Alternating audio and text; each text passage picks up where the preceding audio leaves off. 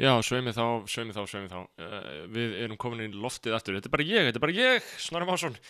Ah, ég þarf ekki að umbera nærveru bróðu minns í þetta skipti. Ég ætlaði rétt bara að uh, kynna inn þegar hann ágæta þátt hérna með uh, Siffa G. Ég bókstala man ekki hvað Siffi heitir í alvörunni. Uh, ég er bara að fatta það núna. Ég hef ekki hugmynd um hvað Siffi G heitir. Fullu nafni, wow.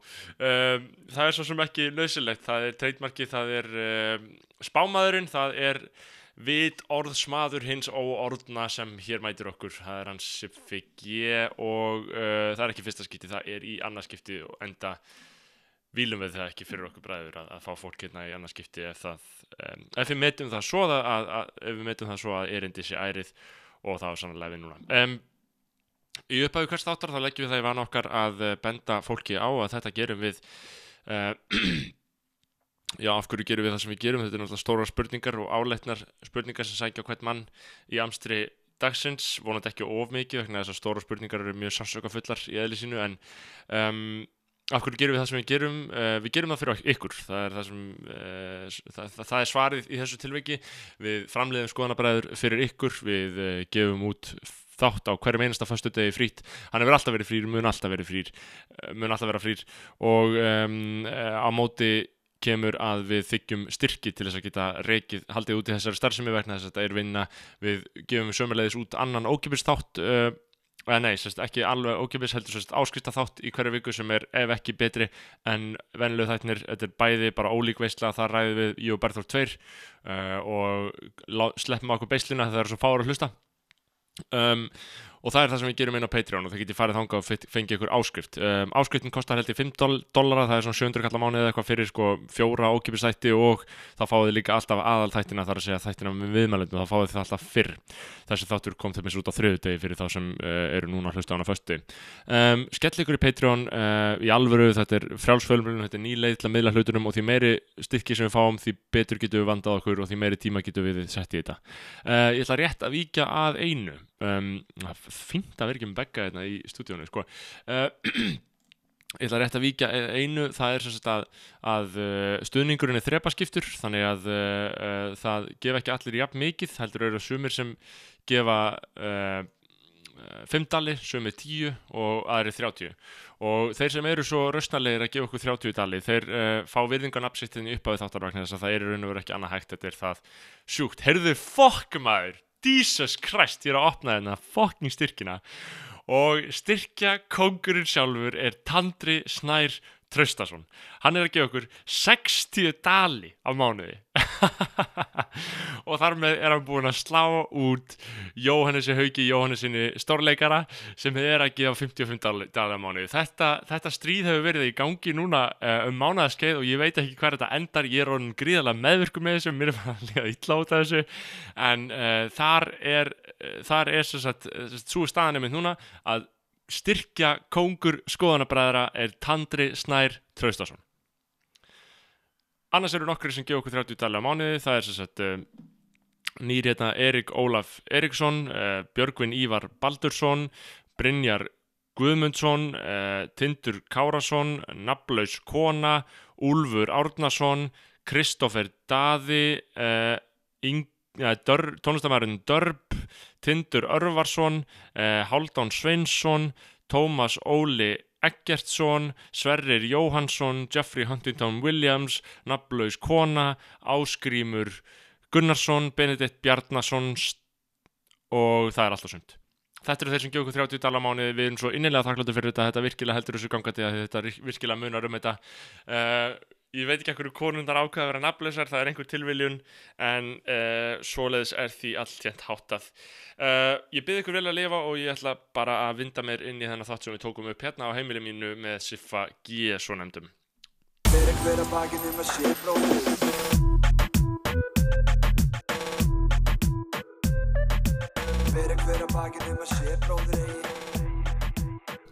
Ég held að það virkja að rekka, það virkar að rekka, ég byrjar að taka upp, uh, við erum mættir í stúdióið, eða stúdióið. Uh, við erum mættir á heimilið uh, og heim til okkar er komin engin annar en Siffi G. Verðt velkominn. Takk fyrir, góðan daginn. Hvernig líður, á, hvernig líður í stúdiónu eða heimilinu?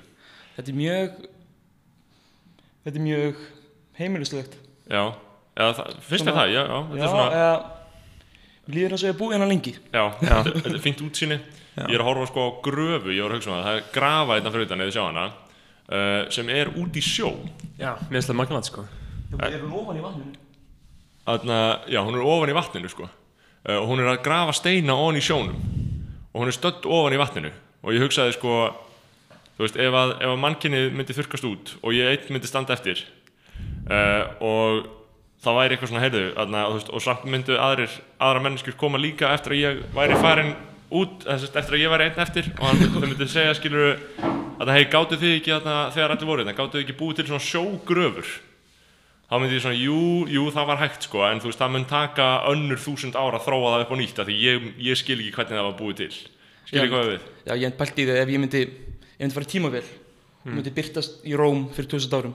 Ég gæti ekki hjálpa neinu með rafmagnaði neitt. Nei, Nei, nei, ekki Má væri bara algjörlega Já, æ, þið gerir þetta þetta Já, hver- hvernig gera? Það? Já, ég bara ve- veit það ekki, sko uh, ég er að segja, þú veist, það, svona, já, það var hægt sko, þú veist, þannig að ég get allan að gefa ykkur það að það var hægt, en þú veist, ég get ekki hjálpað ykkur. Það myndi Já. ekki trúa þér. Nei, það myndi ekki trúa mér, ég væri svo psycho. Þú veist, eina sem ég kann er eitthvað sem keiringun kóða í R.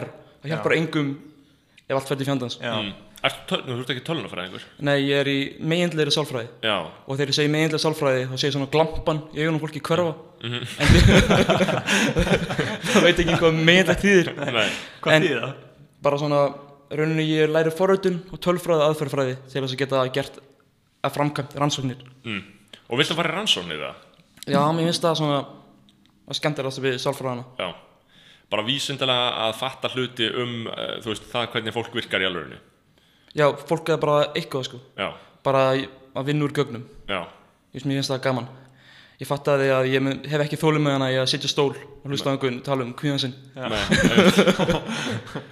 Ég, Það er- ég var mjög erfitt með leðilega sögur svo ég er vantilega ekki að það fara að vera nei. klínísku sálfræðingur. Ég hugsa líka mitt, ef þú ert klínisku sálfræðingur, þú veist, þetta hljómar alveg ske- skemmtilega að hjálpa fólki, en pæ- pældi hvað fær bara mikið af fucking leiðilegu fólki til þín og Já. bara leiðilegum pælingum og sögum, bara ömulegum pælingum. Ég líka. alveg pottið sko Þú verður okkur pyrraðið þegar einhver er með kannski, lausninni mjög augljós Já, og einhver er að tala og tala og tala og Já, Já, bara, bara segjum alltaf kjæfti, sko mm, já, þarna, um, já, velkomin hlaðarpið, Siffi, við erum hérna í trappinu, sko. góð við erum að- byrjun á svífur að kvíði sjúklinga Já, já, ég meina Kví ég... er náttúrulega kvíðin alltaf bara ímyndun, sko Það hefur verið vísindilega sannat, sko Já, Er það? Er það málið? Já, Kvíði er uh, flóki fyrirbæri sko, þetta er og viðbjöðslegt fyrirbæri sko, en kvíði er uh, vissulega það er þetta að leysa hann mjög, það er þetta, hjálp, það er þetta að vinna mjög vel á honum með mjög einföldum aðferðum, mjög hratt skilur, en það er það sem margir sem þjást mjög mikið á honum en hafa aldrei gert neitt fatt ekki skilur, þeir lifa bara í einhverju svona kvíða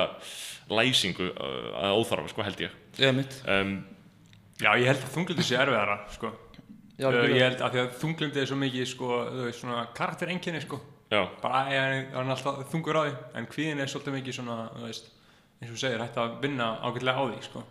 Svo náttúrulega er þetta líka að vissum margir bara efnabreytingar í heilanýrum Það bara vantar bóðinni og svo ertu þunglindur. Já. Já, en, en þú veist, líka bara, þú veist ætli það hafi alveg gerst bara í sama mæli bara við fólk fyrir hundra árum bara að vantar efni í heilan á hann er þunglindur, skilur Ég veit, ég voru kannski menn ekki bara meira dabrir almennt það þurftu að harka meira. Jú, Jú, einmitt. Og líka bara, þú veist, það, það er ekki hægt að bera þetta saman. Eins og maður tala um bara um, þú veist, rómverjan á hann, sko. Þú veist, eitt Lil Wayne lag myndi drepa rómverjaball, sko. Settu Airpods inn í einhvern Spartan uh, Nei, svona, sko- Kid Warrior og hann deyr, Já, sko ég sá eitthvað svona að sína einhver svona Victorian er að bresku barni Lil Wayne lag. Já, já. Það það fæ- fæ fæ flóarkast, hann mun ekki, hann mun ekki höndla Lil Wayne. En, en ég held að Rómverjar myndi 100% höndla Lil Wayne en ekki til með 17. aldar Íslendingur hann myndi aldrei höndla Lil Wayne. Bara, bara 19. aldar Íslendingur myndi ekki höndla Lil Wayne sko. Um, Ég meina, voru ekki alveg rómverjar meira liberal heldur en svo margar kynslaði sem komið sinna Jú, ég held að lífið hefði bara verið frekar fullkomið þetta hjá Rómverjum. Þau voru bara með líðræði og einhverja heimsbygginga og En það voru samt bókmentir En þú voru svona þrælar. Já. Ég held og voru ekki líka sama þegar bara ríka fólki réði öllu og Jú, jú, þetta var fínt fyrir fucking Cæsar og Octavian og Hector, skilur En umöðulegt fyrir bara eitthvað þræla.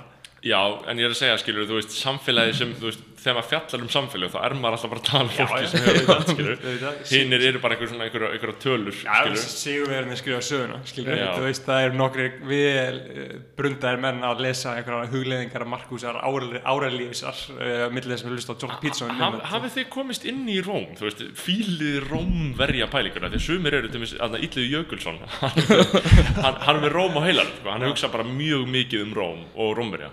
Ekki að mikið kannski og margir aðrir. Nei, en stundum fæði svona þráhyggjur fyrir einhver svona mm, ákveðnum máli en svo Já. glima því. Mm. Gekk svona þráhyggjur fyrir crossförunum. Já. Og hvað er, hvað er að segja um þær? Skilju, hvað, hvað, er, hvað er að frétta þar? Ég er náttúrulega ekki expert, ég þú er ekki að fara að vera að tjá mig um það. Nei, en konkrétt, hvað voru crossfordurnar skilju bara til þess að varpa ljós á það. Bara Páinn segir einhverjum frökkum og brettum englendingum og bara að labba til Jérúsalem til að taka einhver á dogshit borg Já. hinum mínum hnettinum. Og svo er bara gauður að labba í, marg, í ár Einmitt. og þetta finnst þessi borg svo mikilvæg mm. það var Já. það sem varst merkilegt sko Já, ég, ég held að þeim hafi samt, ég held að þeir gaurar hafi ekki fengið þá tilfinningu sem við fáum oft sko, sem er að þetta sé allt tilgangslegt sko. þeir, haf- nei, nei, Nei, nei. þeir höfum skýran tilgang sko. Já, fyrir þeim var þetta já, synd af lausn og svona já, bara veistla, mm. skilju Þessi lífið er helvíti og þetta er eitthvað svona að gera Já, algjörlega, ég væri til í eitthvað að gera núna bara, bara hei, þú veist, viltu fara til við þurfum að gera þetta, skilju, þetta tekur þrjú ár við erum allir að fara að gera þetta, bara já, Já. veistla en ekki bara hver í sínu hotni af því að individualismin, hann er að ganga okkur döðum sko. Já, en mér finnst það mjög, mjög fyndið eins og þú segir með Ítla Jökulsson að fá Rómver heila eða vera með Napoleon á heilinu með Genghis Khan eða eitthvað svona og svona raunverulega bara svona vita allt um þetta þetta er svo merkilegt skilur, þú veist, eina sem ég, ég, ég sko Uh, ég fæ þetta úr Sopranos sko, Tón, Tony Soprano hann, hann er með rómverðan á heilinum sko. Uh, góð gó sena í fyrstu serið sko það sem hann er að tala We við are the Romans, eitthvað svona Já, það sem hann er að tala Já. við Uncle June sko og líka sér saman við Octavian og líka honum saman við Hector og svona öll hans filosófía fer í það sko. Það er líka einhver sena það sem þeir eru að pynta eitthvað gaur, ég man eftir því og þeir voru eitthvað svona tölu, töluðu eitthvað um rómverjan og þá sögðu þeir við erum já, þeir eru ítalenni,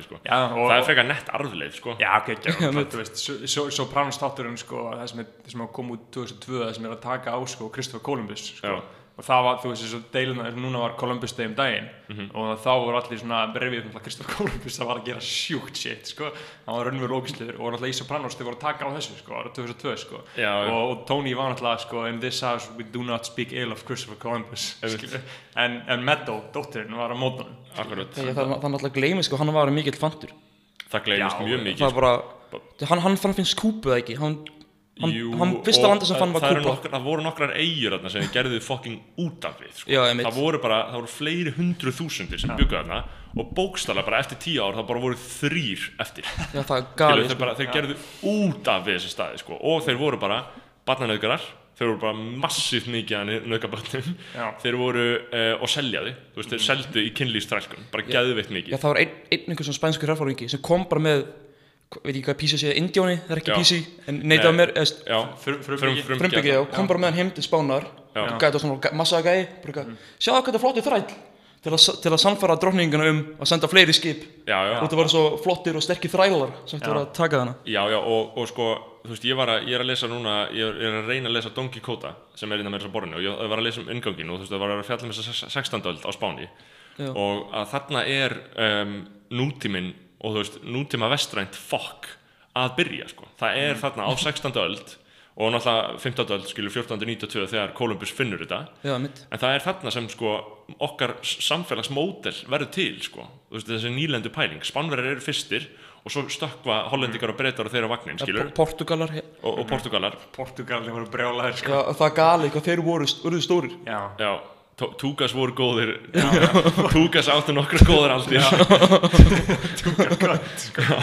Þarna, en, en síðan, þú veist, en ég er að segja, skilur, Spánverðar voru eiginlega fyrstir með þetta sjúka ofbeldi, skilur, sem er, verður Já, síðan já. heimsvaldastefnan bara með, með áratögunum og yðnbyltingunni sem, skilur, massíft, sem verður svona massíf krafa um vinnuafl, skilur. Spanjur er náttúrulega bara komið með pláu Já, Yep. menn, menn þeir eru sögur af einhverjum spænskum hermönum sem er svona að vita einhver þorpi kannski nokkur kilometrar frá og er að gera innrás og svo er allir döður á Já. í þorpinu, finna bara lík út um allt Einmitt. Og eina sem við fáum að svona, svona, svona sögunar í okkar menningu sem við fáum að segja bara eitthvað Eldorado, skilur, bara einhverju mestara sem bara spila gull og allir geða góður og eru bara velkonir og við erum særi, skilur, en Og við það- komum það bara og bara síktu, rændu, nöðguðu, veist, að, því að, að því að í fræðunum og í allir svona háskóla umfjöllun og í, í PC þarna postmodernist Ok, Jordan. Já, háskólanum það sem ég er, þú veist að ég, ég er það sem þarna, Jordan Peterson hann hata því ég hef verið í bókundadeild og þar er, þar er náttúrulega fjallað um þessi mál af, mm, veist, af allt, með allt annari nálgun en er svona almennt í samfélaginu. Veist, þar er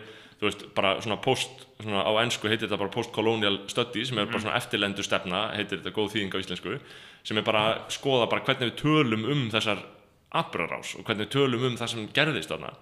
Um, og þar er náttúrulega, þar er fólk ekkert bara að tala um, því að í skólakerfinu þar erum við bara að tala um, ég man bara meira svo bara þegar, ég var í MR, þá var engin krítisk vitt á því að uh, þeir hafi bara farið þarna og gert þetta. Heldur var þetta bara, hérna þessi hérna snillingur fann þetta svæði? Já, fann þetta svæði. Fann, bara réðst inn skilur, Já, réðst inn bara, alltaf bara þessi meistari fann Já, þetta þessi meistari fann þetta, auðvitað bara svona dæmi er svona umfyllun, en engin kritísk vitt á það hvað við gerðum við, þessi, við þessar heimsálur Nei, nei, við, við, erum með, við erum með okkar mann Leif Heppna, sko. Já, Leif Eriksson, sko. Við Já, erum, við erum, hann- við erum, við erum að tala um Leifstöð, sko. Uh, Leif, Hann fann við hana Kanada ekki, eða Newfoundland? Jú. Vínland Vínland. Vínland. Já, já. Já. Og- Uh, og- og hann uh, var öruglega í einhverjum uh, þú veist, hann var öruglega ekki að mæta að ná að vera næs, sko Nei, nei, en, en hann var samt svona, mér finnst það aðeins meira, mér finnst það, ég set virðingu á nafn hans, skilur, en, en hann er samt líka svona allt right favorite, sko, þú veist, hann er alveg, Já, hann, já, já. hann er svolítið tekinn í fóstur af þeim hópum, sko. Samt, Ég er samt held sko hann hafi ekki verið brúdor á spánjörunir Nei, ég er að segja það, En mögulega var það líka því þeir voru miklu færri en spánjörunir já, og hann hafði bara ekki tækni að Já, einmitt. til þess að beita þessu ofbeldi, sko. Hann var ekki með stál og hest og Nei. byssur og eitthvað svona rugl Þeir hefði bara endað í stríði og endað á, að- endað á í vesenni, sko. Já, Já, sko, en þarna podcast, Já, hvað viljið við- tala um? Já, við, við, erum, við erum komin inn aftur, Siffi. Þú komst þarna uh, skoðan í Siffa G fyrir uh, einu og hálfu ári, cirka. Einmitt. uh, Þarna, og síðan þá, þá hefur uh, mikið vatn runnandi sjávar uh, Skeggið hefur vaksið og menn hafa tekið út þroska og En Við erum allir til til að fru- rýra fru- í dag. fru- Frumunar hafa uh, endurnýjast. Ég menn sko ég var að gera tilraun til að fá mottu En svo saði frúin mér bara eitthvað þið taka mynda þér þá ertu ekki verið um þess að helvitis mott Nei, Svo ég er óskeggjaður Færðu ljóst skegga? Ég fæði svona Sko ég var í 14 ára móttunni Ég kom inn í 18 ára já. Þetta er alltaf að koma. Að mottan er uh, ekki alveg, ekki alveg lúk það er nokkuð, ég meina, er þetta ekki ógíslegt bara? Já, þú kom, kom, Sko það er eitthvað, eitthvað í mér sem elskar það. Já. En ég, ég veit Ef ef spyrir mig, er þetta flott? Og ég veit ég svaraði nei Samt já um- það, það er máli sko. Það er all, allir miskil að gauður með skegg. Uh, þegar þú horfir á því svona í speklunum þá finnst þér þetta nett. Veist, að allir gauður þeir eru bara vaksa með ég er bara með viðbjóðslegan fermingar runna Mhm. hérna á kinnunum og hökunni mér finnst þetta nett Já. ég er bara raunverulega elska að líka minn geti gert þetta. Já, en, en þú veist, öllum öðrum finnst þetta bara viðbjóðslegt og þetta er bara ósnýrtilegt og þetta er skítugt. Já, þetta er, það, En- það er alveg, þetta er gott observation, það, að því veist, það finnst öllum sitt eigi skegg nett. Ég myndi, alveg, manni í fyrstu kóðbylginni þá fekk ég, var það saman mótti og var að horfa narkos Mm. og þá var ég alveg fram á speilin eitthvað, ei, mamma síta bara því gat fengið með mótti einmitt, en svo, svo fyrir öllum öðrum er þetta bara mjög erfið harmsaga Já, já. verið á saman skemmt já, þetta er ofbeldi bara sorglegt, Bara Já, þannig að Mottu Mars, ég, hef- ég hef alltaf verið að býða eftir að fá að vera með, en það er ekki komið að því, sko, it is not time. Nei. Uh, ég mun ekki vera með því í næstu, næsta, næsta mars en næsta mars verður náttúrulega COVID frýtt sko. það, það verður COVID frýtt móti mars, það verður versla sko. Sjá, sjáum til er það málið? Já, ég held Já, að það var ekki komið eitthvað vaksín jú, við erum, að, við erum að binda mikla vonur við skoðanabræður og rítstjótt skoðanabræður er að binda mikla vonur við uh, bólefni bólefni, Já. já, á fyrsta fjórðungi fyrsta fjórðungi 2021 ég sé hvernig hann snorri kippist við þegar ég sletti. Já, Já. það fær svona tweaks. Þannig að og segi, segi séðan tweaks sjálfur. Um, já, En- sko, já, einmitt. En já, af þessu uh, ein, einu hálfu ári þarna síðan þú kom síðast Sifi, uh, þú þarna það var margt breyst í þínu fari. Í, í, í, þínu fari. Já, menn- menn hafa Uh, tekið en það er einhverja- ekki rétt hjá, mér? Svona hu- hugmyndir hafa þróast og uh, forsendubreist og áherslur, áhugamál, pælingar. Hvað er svona Þetta er bara eldgamla radikali í seringin eins og þeir eru líka að lendi menn, menn taka vinstri handbremsubegi já. já, En, en þú veist, þegar þú þegar þú varst yngri, varstu, varstu ekki líklegri til þess að fara í einhverja svona neoliberal átt eða? eða, veist, ég, var, ég hef Eða- aldrei verið sjálfli sko, Nei. en ég var svona viðreisnar liberal. Já, já, af því að ég held að þegar menn koma inn í sólina í HR, já, þá getur þú tekið já, þú, þú, þú getur þeoretist hugsanlega eins og í þínu tilfellu, þú getur tekið beigil vinstri en það gerir það enginn. En sa- samt máli sko er að ég var að læra sálfræði. Og Chomsky var alltaf að koma upp í fullt af mismunandi áfengum hann kom upp í sögursálfræðinar og kom upp í í tveim líffræðaföngum og kom upp í þroskasálfræði og kom upp í hvað meira, bara alls konar kom upp í mörgum áfengum svo ég fór að googla betur hvaða, hver er þessi Chomsky já, og það var einmitt rykti ég í handbremsuna og flóið til vinstri. Bara, bara Vin, Vin Diesel, Paul Walker bíl í friði, handbrísum það, er ekki, það er ekki annað hægt þegar maður, þegar maður byrjar að fá ekki tjómski já, já, einmitt. Já, þeim, þú veist, fóreldrar ætti að hafa miklar ágjur á barni. Þegar það segir eitthvað um tjómski sko. já, það, það er ein aðal YouTube síðan sem heitir bara Chomsky's Philosophy. Já. og það er bara svona nokkuð svona soundbites bara svona sjö mínúna myndbönd Chomsky segir þetta um þetta. Já. og allt sem hann segir maður er bara svona hm, já, þú veist, hann, ég, ég er ekki eins og svona, hm, já, ég er alltaf bara svona what, er það? Já, þeir eru að lesa bækur eftir hann bara hver einasti kapl eru bara vá, eitthvað, Já. fyrir að senda vinum mínum áráður á á messenger, bara hvað vissur þetta? Þú veist, já, þannig að það hefur verið að heila þóðvík en sko, það er líka þegar tjómski er, þú veist, þegar maður horfur á hann tala þá er maður bara, þú veist, það er það er, það er, ekki, það er erfitt og flókið að vera mikið gáðari en þetta. Já, Já, og að vera jafn articulate. Þú veist, hann bara, hvernig hann orðar bara og alltaf, þú veist, þegar hann fær spurningar um, mm, já, um, og sem bara kemur bara Já. geðveikt svar ég meina eins og hann stundaði bara út af það er ykkur lög í bandaríkunum sem þýðir að þeir eru búið að declassifæða skjöl Mhm. því maður allir fá þá. Svo hann bara fór bókasannið sendu bara alla, bara gaf baðum öll síðan skjölin sem voru, voru sem var búið að byrta og bara lesa ykkur gömul síðan skjöl allan daginn. Já, og svo fer hann bara að segja fólki frá það hvað er í þeim. Ég veit það. Og oft er þetta bara bara mjög galnir hlutir já. Já. og þetta er bara sem búið rómumbura og það, það sem að mér finnst eiginlega sko eh, fallegast við Chomsky sko, hann er svona public intellectual en hann er hann hann er ekki búinn að monetæsa sér neitt allt sem þú finnur um hann allstar, bæði á YouTube og til dæmis bara á Audible. Hann er ekkert að lesa hljóðbækundu sína sjálfur hann farið einhver pínlilla prósentu af þessum skilur en þú veist, þetta er allt bara eitthvað þetta er allt bara eitthvað fanfiction um hann. Já, Eða, þú veist, ég meina, þú veist. það, það, hann er ekki með sín eigin fjölmiðil að básuna um þetta þetta eða þú veist, sína YouTube hann er bara síðu af því þetta höfufar um að hann ætti að monetize. Ég veit það, svo ég- hugsun hefur ekki komið upp hjá hann sko. ég, veit það, en, en, en, en eins og maður hugsa um bara Jordan Peterson, Joe Rogan. Ben Það- Shapiro og gaurana Joe Rogan er ekki intellectual Nei, nei, þú veist ég var að hlusta á hann og leiðin hingað hann að. Glenn Greenwald. Og, ég fór að hlæja því hvað Joe Rogan er mikil svona dumb guy. Hljóðan og Glenn. Já. já, já, en, en sko, málið, málið en, sko, með, Joe Rogan er sko þannig að hann takes the nerds to the gym and the jocks to class.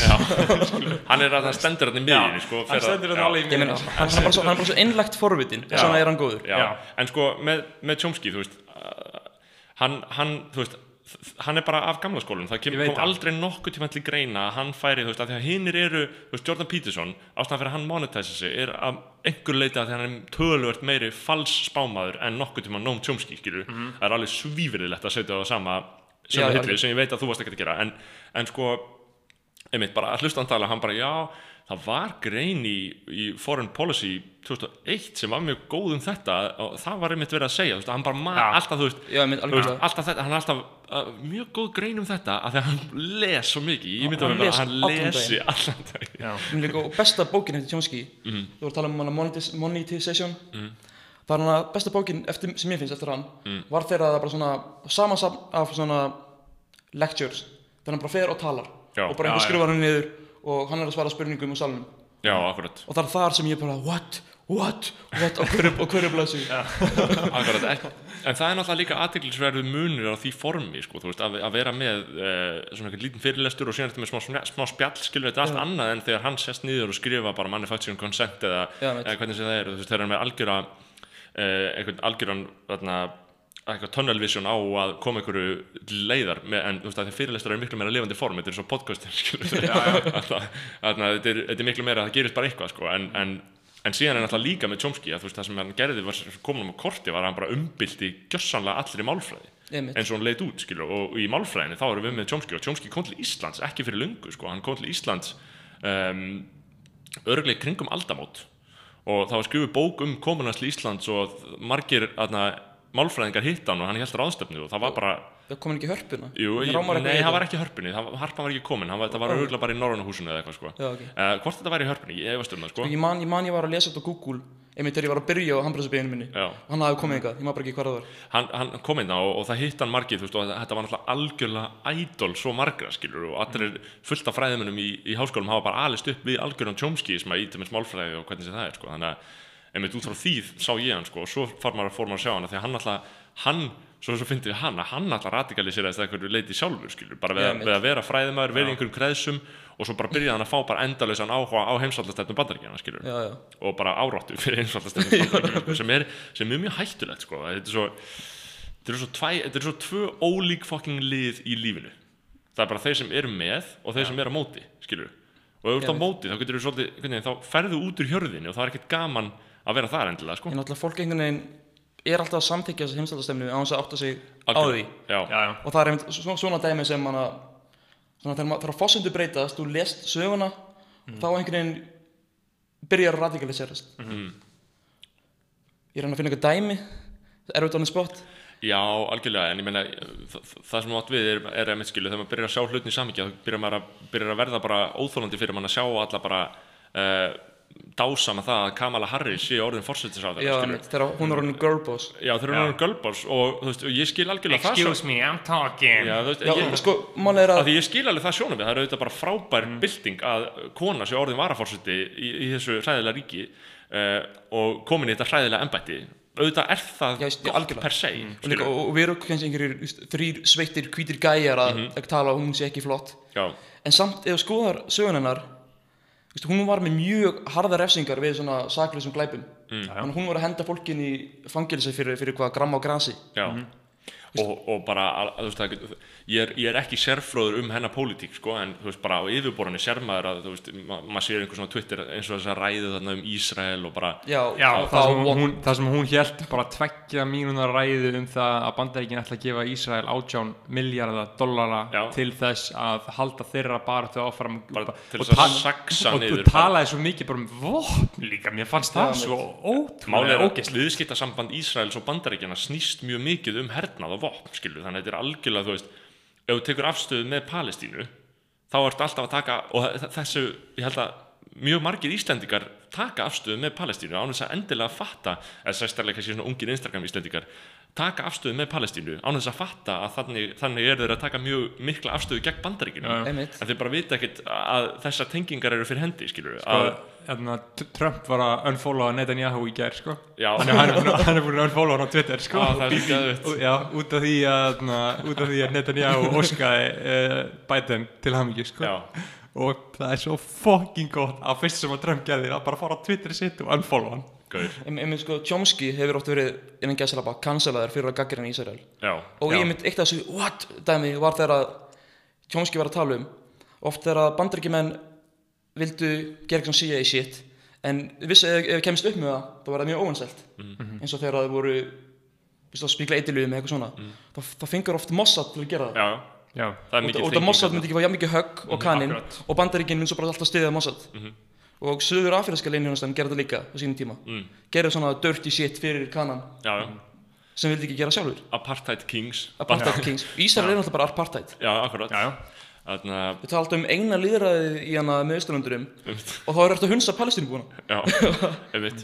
Já, þetta er, þetta er þarna, líðræði og frelsi. Það er allt gert í nafni líðræðis og frelsi sko. En svo náttúrulega glemist að þeir eru önnur lönd sem eru líðræðsríki hana. Menna, Já. Líbanon er líðræðsríki Já, já, við erum þarna það er svo fyndið koma fyrir einmitt að efast um allt svona eins og muni eftir þú veist bara fyrir nokkur orðum að ég held að Gaddafi væri bara versti maður í já.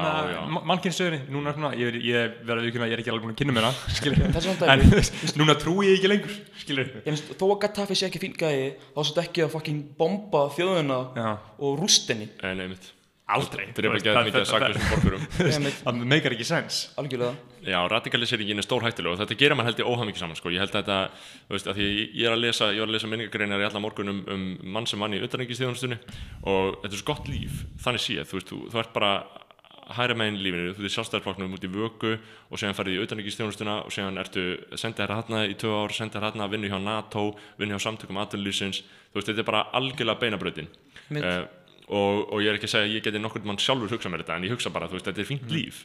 Og það eru margir sem vilja lífa þessu lífi. Og ég hugsa samt líka í þessu að þegar við, að lúsar vinstirmenn uh, erum alltaf eitthvað að tala um, þú veist eitthvað gaggrina hernað og gaggrina NATO og, og, og, og, og vinstir grænir eiga að nafninu til að gera það líka og maður getur svona farið út í það líka. En, en að að hugsanlega, þú veist, að því að maður les svo mikið hægri kommentari og liberal svona pro-NATO dæmi, þetta er svona allt sem maður meðtekur bara í heiminum, það er öll orðræðan er bara þannig, þá internalísir ég að einhver leiti að hugsa, já, ok, kannski er bara fínt að séu einhverjir sem eru með rússa og kínveri á heilanum og vilja verja okkur fyrir þeim, skilu, þá þarf ég bara ekki að pæli því og þeir eru bara með áráttu fyrir þessu. Menn sko ég held alveg að stundu hugsaði ég að bara fyrir okkar pjúr hagsmunu það er fínt að vera í NATO ég, en einmitt, það ég er bara, eða bara ekkert fínt fyrir alla aðri í heiminum? Einmitt.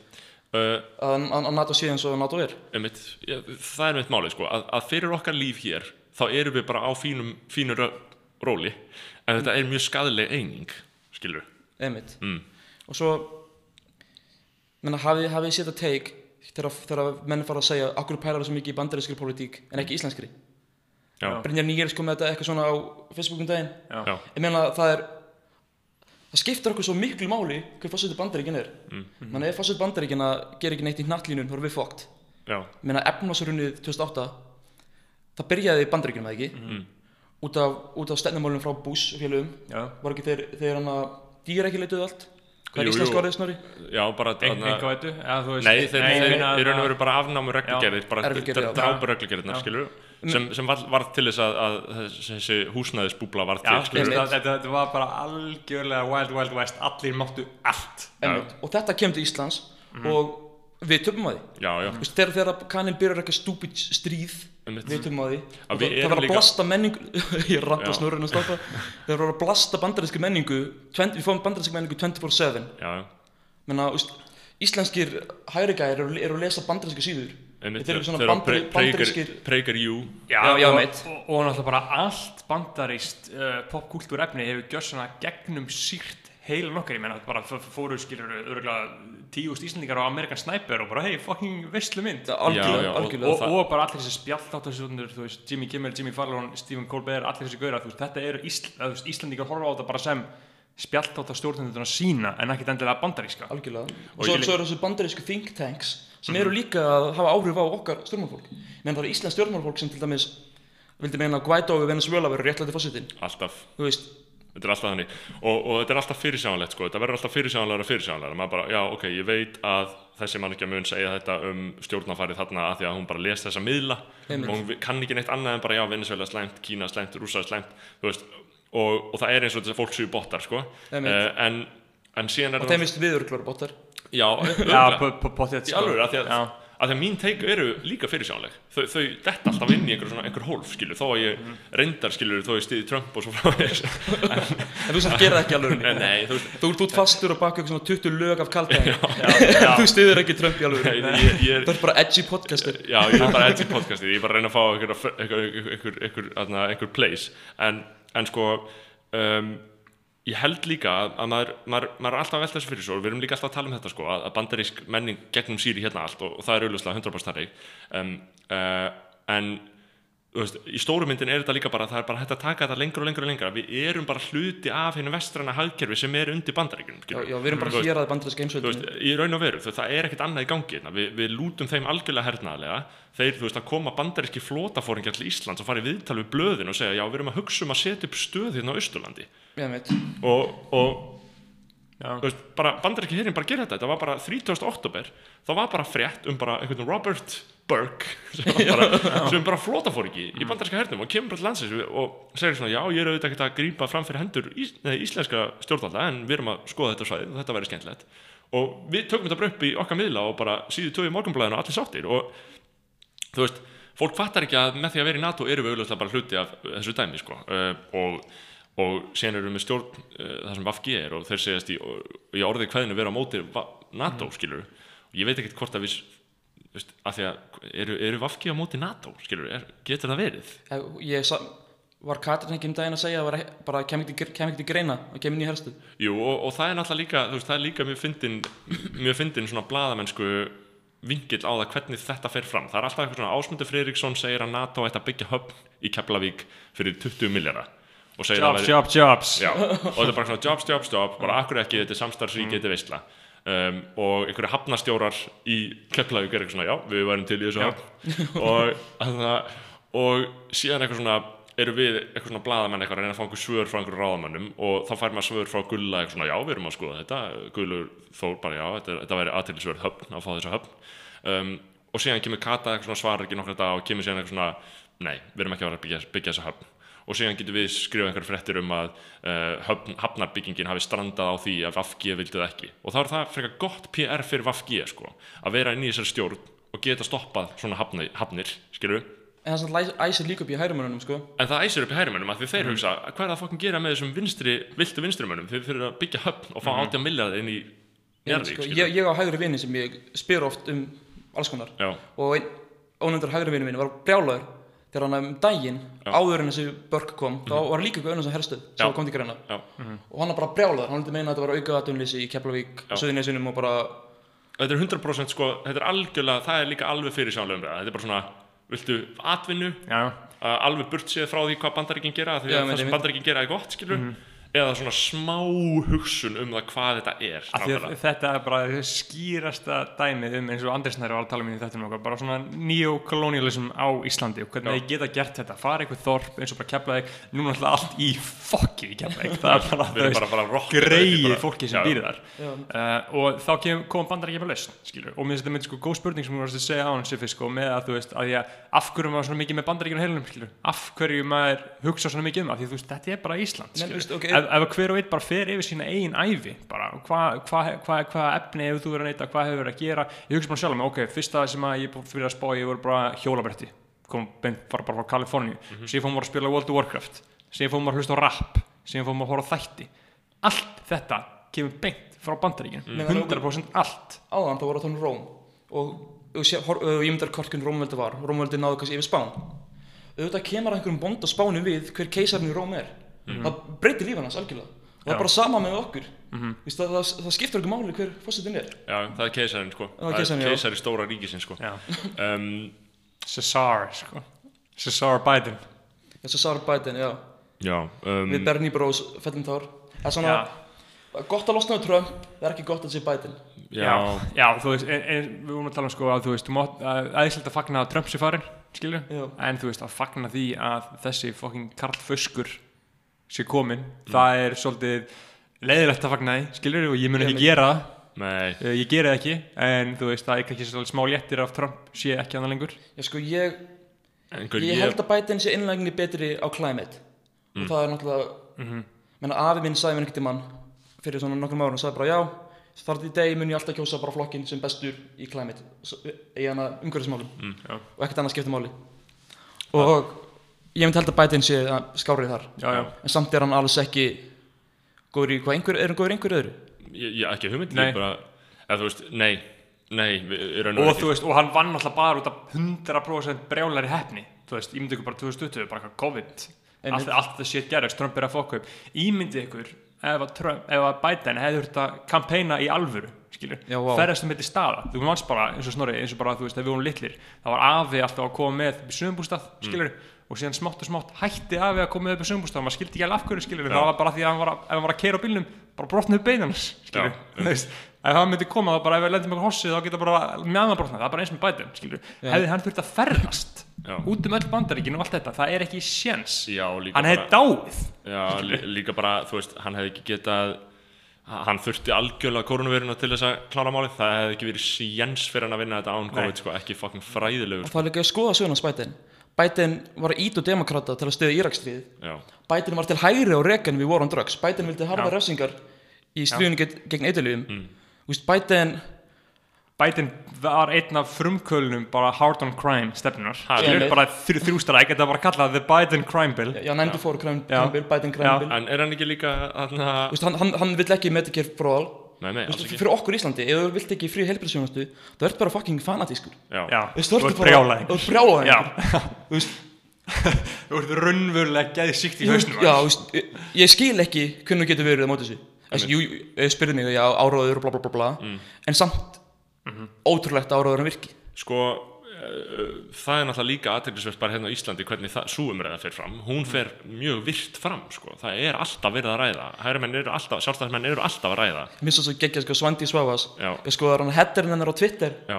hún er með hann bara mynd af Chomsky og svo kemur svona segja þetta í íslensku að hann segir semst að típiska leiðin til að koma einhverjum gegn er að fjársvelta einhverjum stofnum sem er ríkisvætt eins og heilbæriskerfið og þegar hún er fjársvelt þá fer fólk að kvarta eðlulega og það virkar ekki.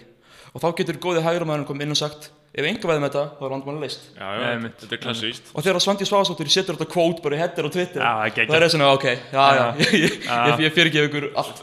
Þa, það sem er nefnilega, þú veist, það sem er fínt við þessa stjórn er bara að Svandís er að standa vörð um ofnbæra helbriðskerfið, Einmitt. það er bara algjör stoppur þarna. Og þið, ef þið, ef þið takið eftir því, ef þið fara að fylgjast með blöðunum þá sjáu þið bara uh, nokkra greinar í viku, fréttablaðinum okkanum RÚF líka um uh, fólk sem er í engarekstri í helbriðskerfinu, er með einhverjar klíníkur eða er með, veist um, einhvers konar uh, húsnæði núna, vantar náttúrulega húsnæði það er fráflæðisvandi á landsspítalunum, það er alltaf mikið af fólki að það er að koma fólki út af spítalunum sem er ekki það veikt. Uh, það er verið að reyna að gera þetta og þá er alltaf, þú veist, þá er þetta alltaf með fólk sem er hérna, hei, við erum með svona þjónustu við getum bóðið upp á þessu þjónustu leifið okkur bara, þú veist, útvistið þessu til okkar. Það er alltaf verið að segja þetta og það er endrast að viðtölum alltaf uh, eru búin að bjóða ráðuneytinu fimm sinnum að nota húsnæðið en ráðuneyti segir alltaf nei. Þetta er bara alltaf, þetta er endalösa svona fréttir. Það er alltaf bara, eru búin að bjóða þetta tíu sinnum en ráðuneyti segir alltaf nei. Og þetta er svona um það, þú veist, alltaf að segja sjáu hvað ráðuneyti er heimst sjáu hvað helbriðis, þau vilja ekki helbriðiskerfi virki, skilur Já, en það er aldrei, aldrei sagt af hverju þið fá neyð. Og, og, og neyið er alltaf bara að þú veist, ef þú gefið þeim, þeim litla puta þá taka þér hendina og, og þá bara verður þá engavæðir og engavæðir skilur, en þú ert að til þess að koma veg fyrir engavæðingu þarftu held ég svolítið mikla harlínu stefnu í þessu sko, Já, algjörlega. Eins og er núna og, og sem er vel sko, því að ég, ég bara, ég sé ekki hvernig við getum sætt okkur við það að sé fólk að mók græða á veikindum annar ég bara, þú veist, ég, það, er Já, bara, er bara eitthvað grundvallar afstæða sem ég hef í lífinu sko hjartalega samanlegur, og, og, og kannski er það bara einhver þú veist, það er auðvitað einhver einhver, uh, einhver innstilling sem ég bara fengi hérna í samfélaginu bara að ég búa hérna og þetta er bara einhver, svona, einhver, einhver heilaþáttur líka, skilur en, en samt, ef þið pælir í bara kristni til dæmis já, Í kristni það átt að hjálpa veikum einmitt. Það átt ekki, þú veist, maður á ekki að græða veikum Þetta er bara eitthvað svona bara eitthvað geðið basic. Þetta er geðið basic. þetta er bara, ég bara nenni ekki að einhver græði geðið mikið af veikum skilur og þó, Mm. að, og þó er samt alltaf sagt þarna skilur að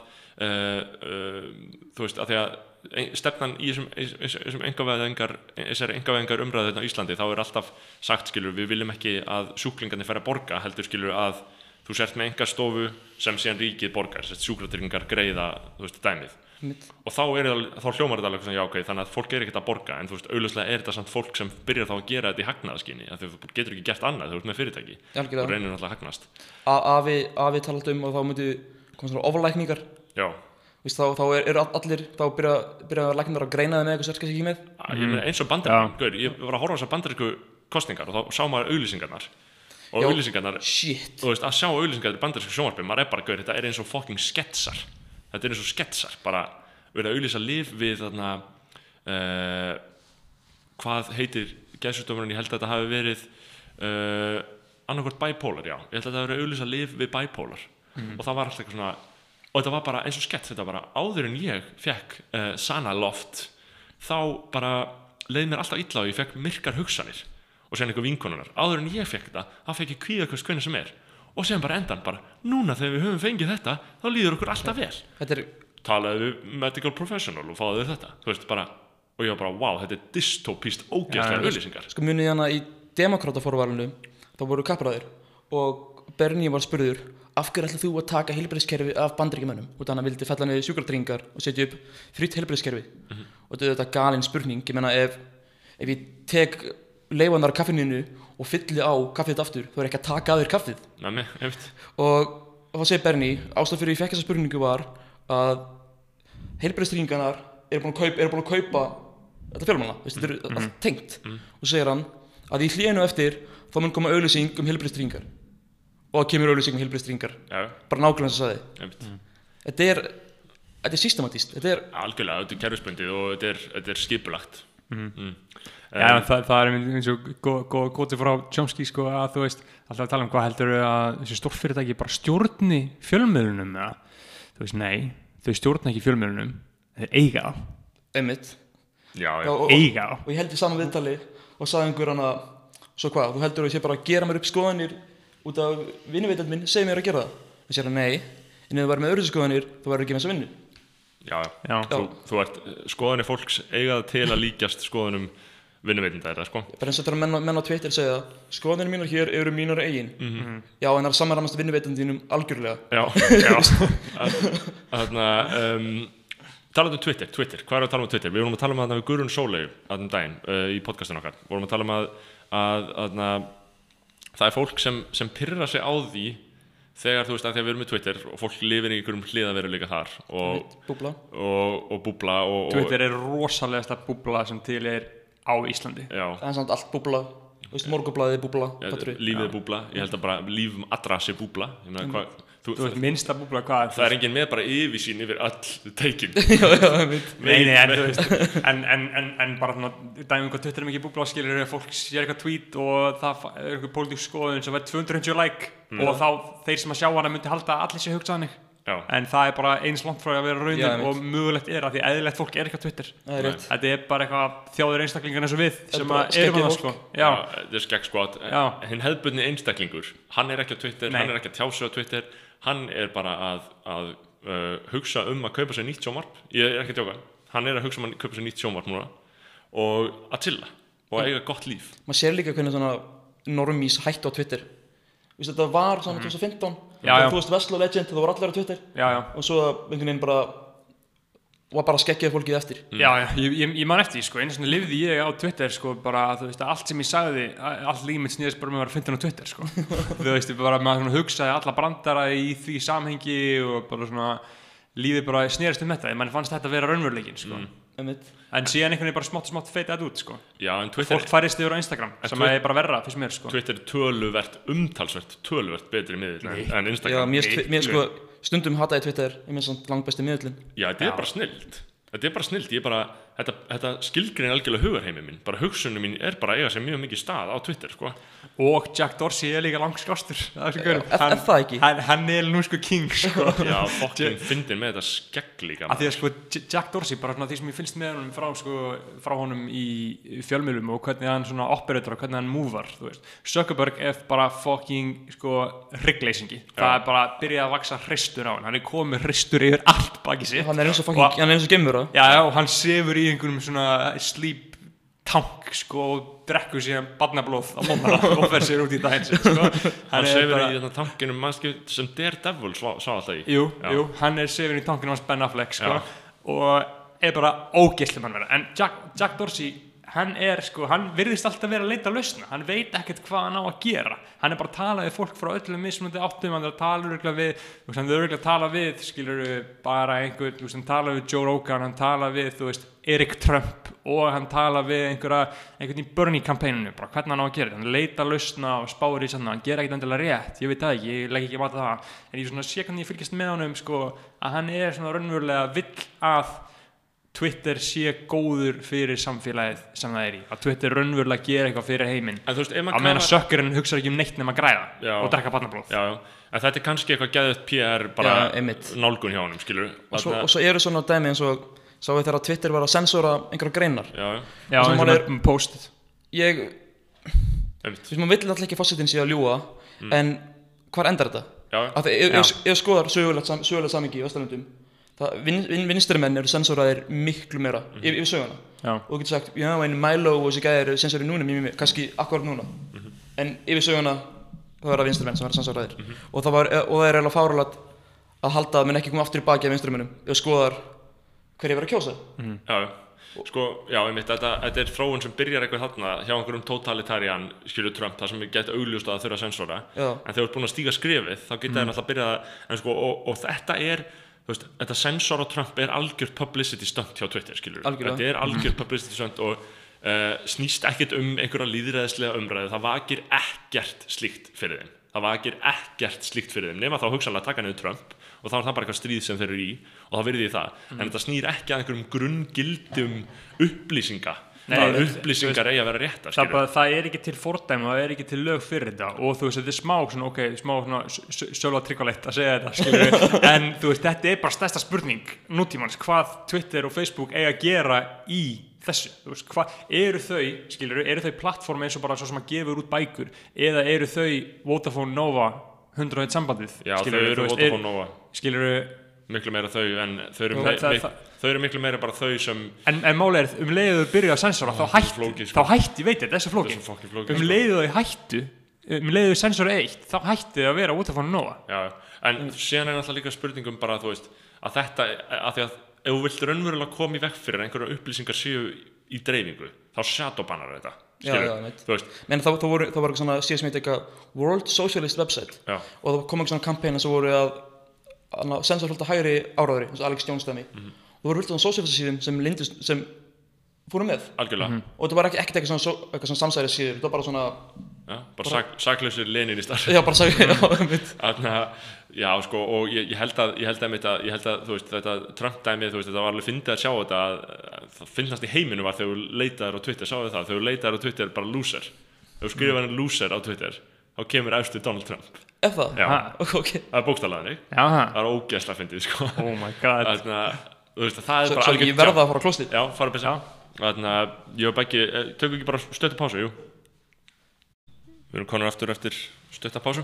Afsakið þetta, ég er hana ég er með ADHD Já. og Tourette's og ég er á hana lífins með Attentin sem er mm. koncertaskilt já, og þau bara rústa mandalistum minni alveg. Bara um leiði teka og vera ekki svangur í marga klukkutíma. Já, einmitt. En þarf samt að fá hita einingar út af sérstaklega ef ég er að lifta bölka. Já, svo ég er bara að drakka protein shake, ég er að drakka safa ég er að drakka haframjólk. Það er bara morgumöndin, þessum bara blúsaprótein stórt glas ávist safa, ótlí en, en þarna, ég kannast við þetta, ég tók konserta á sín tíma í bara einhverjum prófum, skilur en þá er mitt, bara þurfti maður ekki að geta shit, sko. Nei, þú bara verður ekki svangur.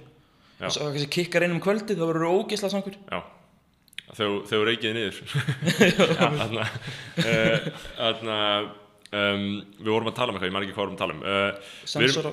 já, sensor á Twitter og, en, en ég er að segja skil með Twitter af því að uh, þú veist, þetta er svona corporate uh, hliðin af þessu og, og hvernig Twitter er reykið og svona en bara umræðan sem fer þarna fram og umræðan skilur líka á Íslandi um Twitter að það er alltaf talað um skilur Twitter, þú veist, það, þetta er það sem við erum að segja á Twitter og svona þeir sem er ekki inn á Twitter þeir, þeir tala mjög illa um Twitter já, já, Já, já. algjörlega Þú veist, þeir eru eitthvað kallað við Twitter-gaurin, ég vil það ekki. Nei, hún vill ekki vera Twitter-gaurin einmitt. Nei, þetta er mitt og út af því að þetta er svo þetta er einhvern veginn svona fólk sem er ekki á Twitter það er einhvern veginn einmitt, þess að þú segir, það er raunverulega að hata Twitter sko. Já, það er mitt og, og talar alltaf ill um það og, og, og Twitter er, er þú veist, þar, þar er svona óyfirveguð og óyfirveguð umræð og lítill skilningur á þessu.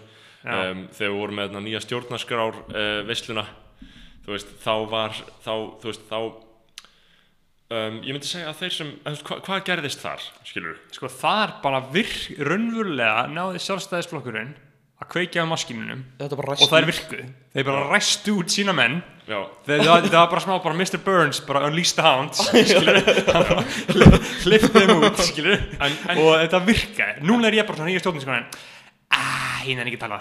Nei. eða þú veist, ég ég- ekki að það- rökraði um það. það er meira það sko, er að ég það er ekki enda sammála málstæðunum þú bara nennir ekki að standa í þessu. Já, já, það, það, það er málið, það, það er bara málið, auðvitað vil ég nýja stjórnarskrá og þú veist, þessir, þessir sjálfstæðisflokks peons sem að voru að spúa þessu alltaf um Twitter, það- þetta virkaði hjá og núna er ég bara svona, vá, ég nenni ekki að tala um þetta. Reyndar náttúrulega eru við henni í safe space, að ég er náttúrulega tjáða mikið á Twitter en ég tjáða mig hér, þannig að þú veist, það getur ekki sagt neitt, það sem er sagt, það sem sagt hér, þér er aldrei svarað. Nei, það, það er mjög þægilegt, sko. Það, það er að þægilega við þetta sko.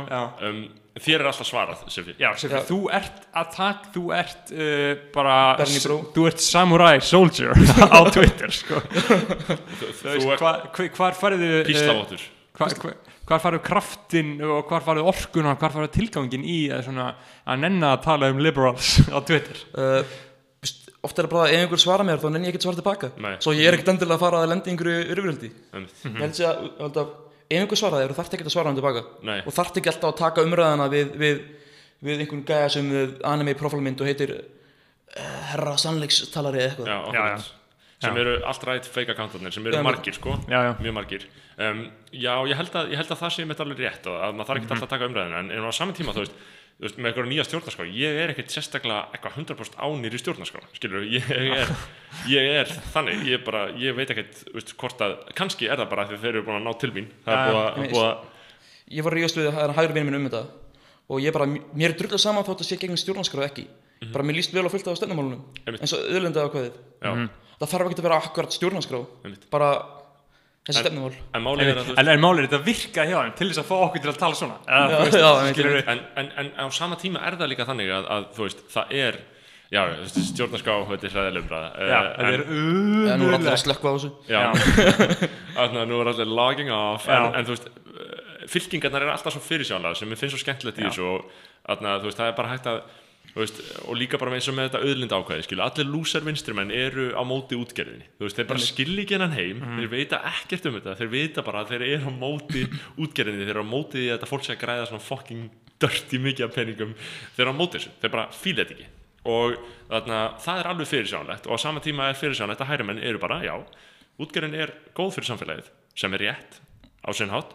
Um, þeir það, úst, að eiga auðlendur er gott fyrir samfélagið. Já, einmitt. En, en já, það er alltaf spurningin. En alveg, veist, ég, ég, ég, ég samt veit ekki jack set um útgerðina. Nei, heldur ekki, en, en, en- ef þú skoðar svona þú veist Þarna, að því ég var að, að því ég var að hlusta á, ég var að hugsa um þetta fyrir, fyrir sjónleika Brynja Níelsson er að skrifa grein, uh, tíundu greina sína í, um, hennar bara í dag, gæla í dag um að eiga að leifa fullt af fólki að deyja í COVID að eiga eiga að forna ömmu fyrir fótboltan Já, ömmum fyrir skot, þarna dauðakult, skot, þarna drepum sem flesta, þarna, Death- Death Squad. Já, þarna, þú veist, alltaf eitthvað, erum ekki búin að nýta, veist, alltaf, erum ekki búin að nýta heilbriðiskerfi til fulls, við verðum að nýta alveg, við verðum að nýta krafta enga framtagsins Já. og fá fullt af veiku fólki, Hver einasta öndunavél á að vera virka já, klára öndunarvélarnar, ekki ein óvirk öndunarvél, uh, og hann, hann er að sk- skrifa þannig grein og, og hann, hann jabbar svolítið í sér grein, þú veist, hann bara skrifa og Brynjar er alltaf skemmtileg penni, ég les það sem hann skrifar.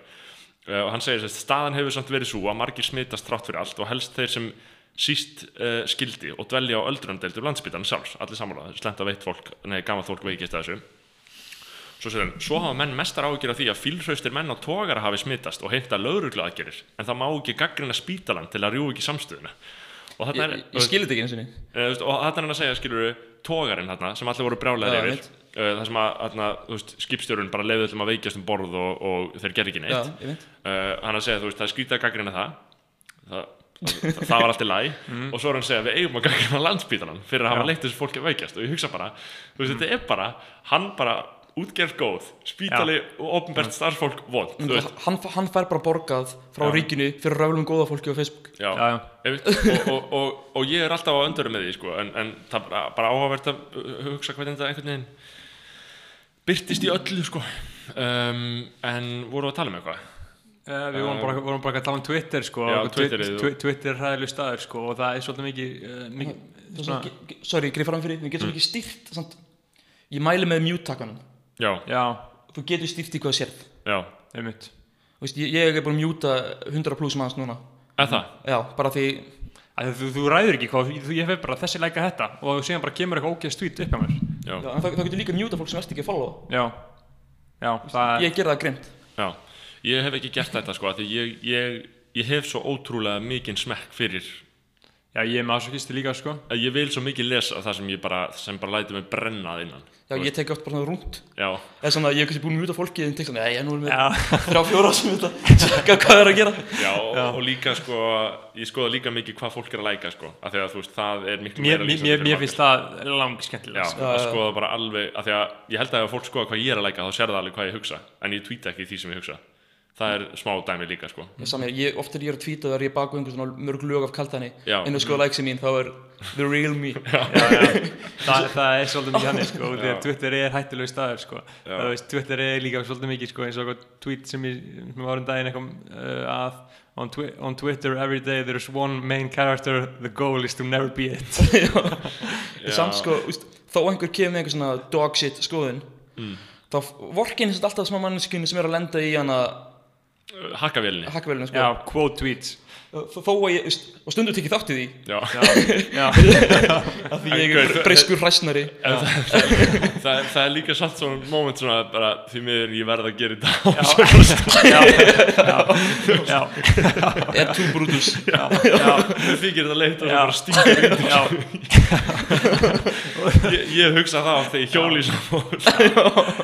það, það er svo gott að mér finnst stundum líka bara eiginlega ekkert finnara en þú veist, þetta er sérstaklega í bandaræskum Twitter sko, þú veist, þegar einhver er tweetaður og er ratioar. Og allir verður að replæja að hafi verið Já. og, og fyrir það sem er ekki á Twitter að vera ratioar er sem sagt að þú ert með fleiri replies á sem skrifaðir en retweets að skilurðu. fleiri sem hafa eitthvað um það að segja sem þú sagðir en eru samanlegar eitt sem nærmur alltaf er þegar einhver kemur inn svona segir eitthvað heimskulegt og einhver reply er bara með profilmyndin hans. Já, ég hlæ alltaf. Finnst það alltaf þetta er svo mikið diss og svo mörgu lefur ég veit það. Þú ert bara að segja þú ert heimskur, ljótur, asnalegur og þú ert að segja þetta og það er svo astnarlegt að þú sett að segja þetta þú ert ljótur í skiptu ég, ég, ég var svo móðgæður einhvern það er bara strax búið að óna þig. Og ég, ég, ég var svo móðgæður þegar einhvern mann einhver var að segja svona blaðamanna myndir, svona myndir af blaðamannum sem stæðu svona svona, munið ekki eftir þessu. Það var svona journ- cross já, every journalist, eitthvað svona headshot is like this. Og þá var mynd af svona apa með svona, æ, þetta var svo fucking fyndið maður. Það var verið að gera grín af að, að svona, einmitt svona journalist hot- headshot sem er alltaf að segja það sama og með sömu pælingar og ömulu liberal skoðanir sko. Það er líka Twitter, almennt. Það er bara, en, en samt finnst mér núna eins og mér finnst samt, mér finnst svo sterk vinstri undir alltaf, ég er í svo miklu internetbúblu á Twitter, skilju, ég sé svo mikið af leftist teikun, já, já, mér- ekki frá Íslendingum sant?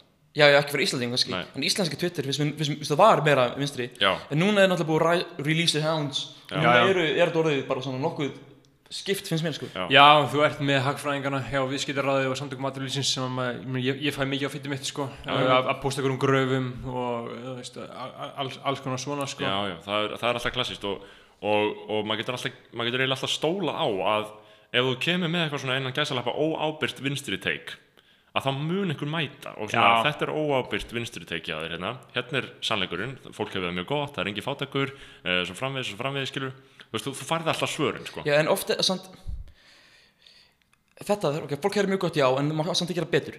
Já, þetta er, au- auðvitað viltu viltu framfarir. Þess vegna finnst mér það að hey, þú hefur það gott er samt ekki alveg svar Nei, ég er að segja, þú veist, en þetta er alltaf svarið Já, já, þetta er alltaf svarið, alltaf, think-tankin mun alltaf segja þarna, það, fólk hefur aldrei haft það betur. Veist, fólk hefur aldrei haft það betra. Uh, fátækt er minni en nokkurn mann áður skilur, þannig þú veist, það er alltaf think-tankin mun alltaf sem er, sem er, sem er það er verið að borga fyrir það skilur, eitt sem, eitt sem hann tók þátt í handbremsbeinu minni var að þú varst með þarna forsendur sem bara trúður eins og þetta með að kommunismi hefur drifið miljón manns. Þú bara já, það er auðvitað slæmt. Og auðvitað það dói miljónum manna í, í Kína og Rússlandi og, og allt þetta. En það set ekki rauk gegn meiri peningi já, það, það, er ekki, er rauk fyrir þjóðnýtingu og fiskauðlöndum svo þú veist, það er oft svona þegar þú byrjar að skoða þessar forsendur og það er að falla þá einhvern veginn breytist hugafærið þitt. Mm.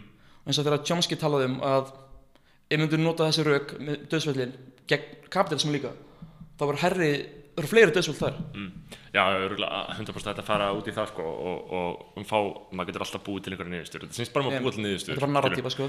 Bara snýst bara um að búa til Já, niðurstur og semja kvæntu niðurstöður. miklu með kapitalismu og döðsvöldin var ekki það að þetta er bara að þú getur komið sam, sömu rauk beint tilbaka Já, þú getur alltaf búið til, búið til, búið til pælingarna sko.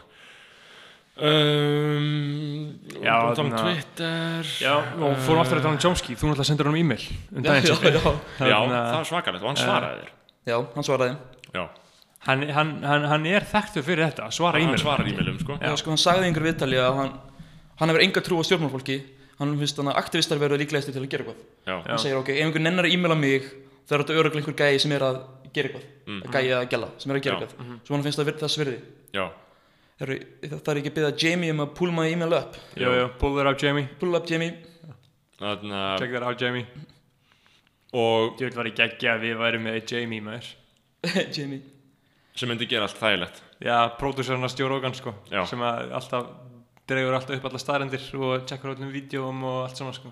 Ætti ég að lesa e-mailið upp eða? Eh, Sko, Það þú, fyrir að segja á íslensku bara. Nei, ég, ég væri til að lesa hans e-mail til þín upp. Þú varst eitthvað að spyrja hann út í bara eitthvað dæmi. Ég, sko, ég sagði bara við hann Já. á sjötu íslensku að ég er ánæður að Trump sé farinn og að Biden sé skára kosturinn hins vegar að ég skoða söguna hans Biden þá er mjög ólíklegt að hann sé að fara að gera eitthvað í stríðsmálum og hnallinum mm -hmm. menna eins og ef, ef vinurinn sem búið á neyslu í 50 ár segir alltaf ei getur lán með pening, ég lofa ég er hættur.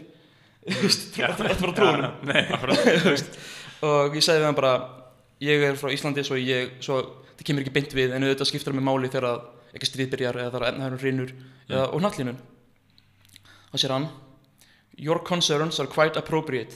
Sem besta hrósi við fengið ever.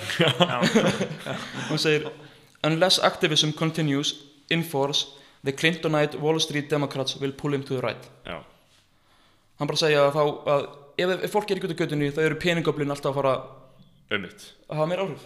Og, og hann er að segja líka þarna að aktivismi hefur áhrif Skilur ég meina, mu- munið þegar Bernie var í fr- frambúðinu fólk var alltaf að segja að hann að hann hefði aldrei komin inn gegn þingið.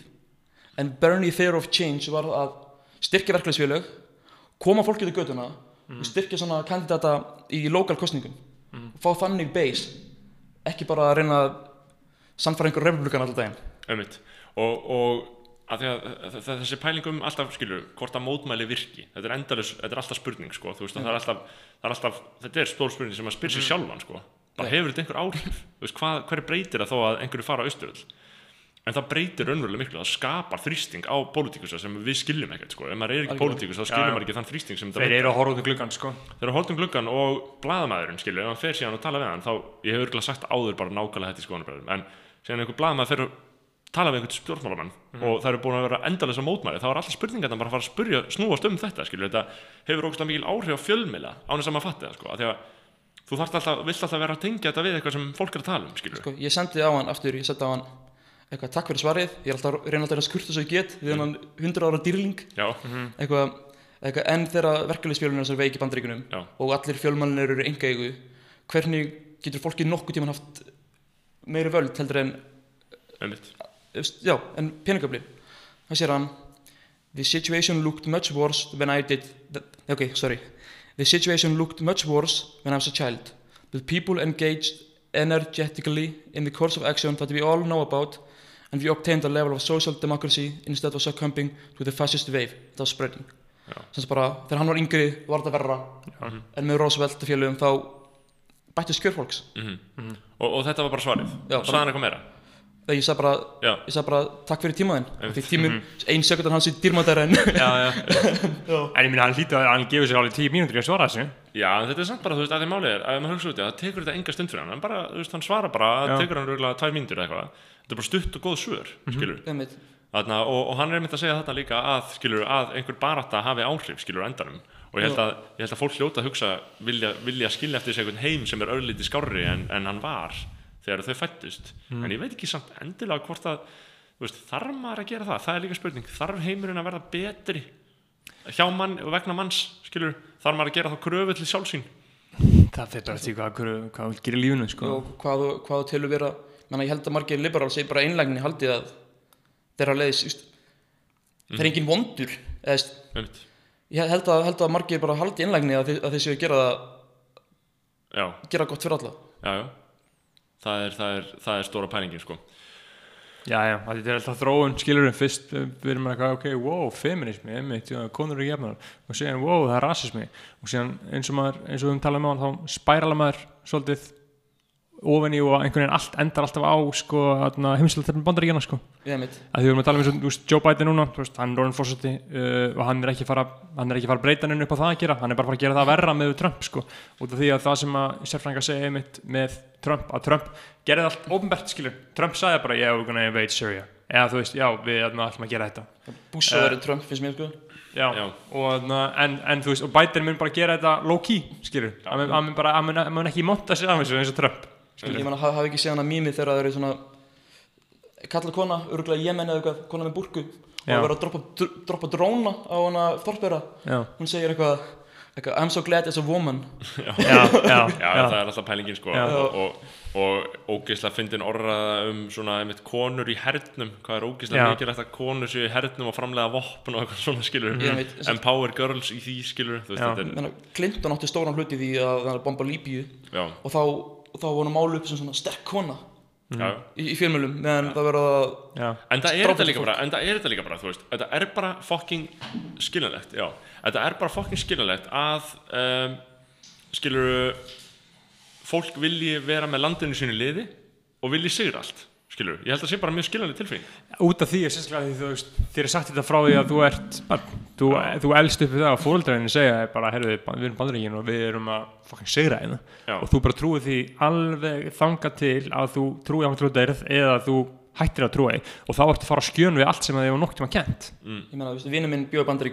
nokk og þegar hann kom í, í hérna garðaskóla með mér þá var hann að segja mér frá þegar voru að pledge allegiance to the flag Mhm. og ég var bara, ha?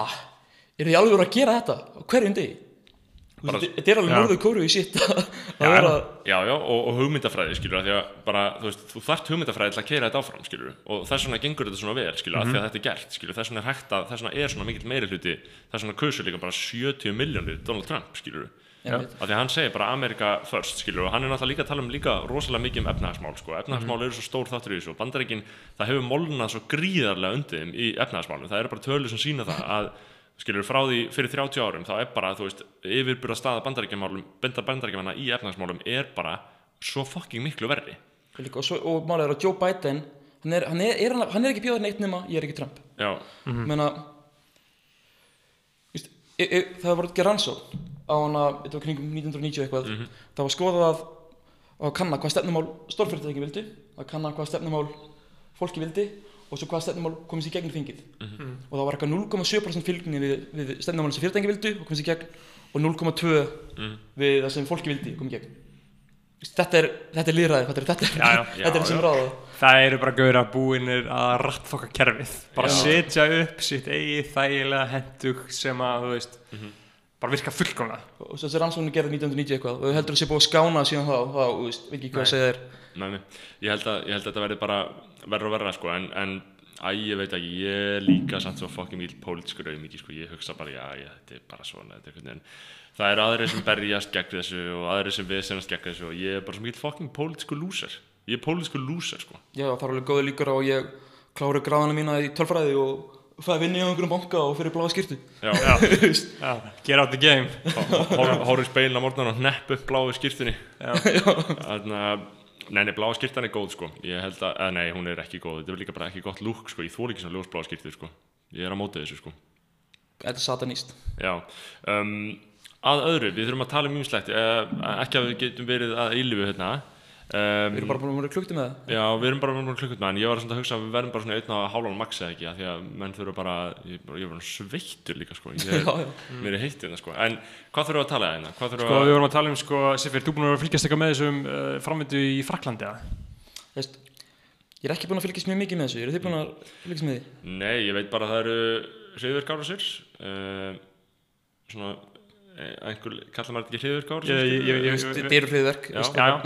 að með því? nei, ég veit bara að það eru eru hriðverk og Það er allir búið að rústa þetta og eðalegget orð hriðverk Já, já, Samt. en svo erum við með eitthvað svipað í, í þarna uh, vín líka um daginn og Já. þetta er svona smá bylgja, það er svona smá er, alfa. I- er ISIS búin að gleyma þetta?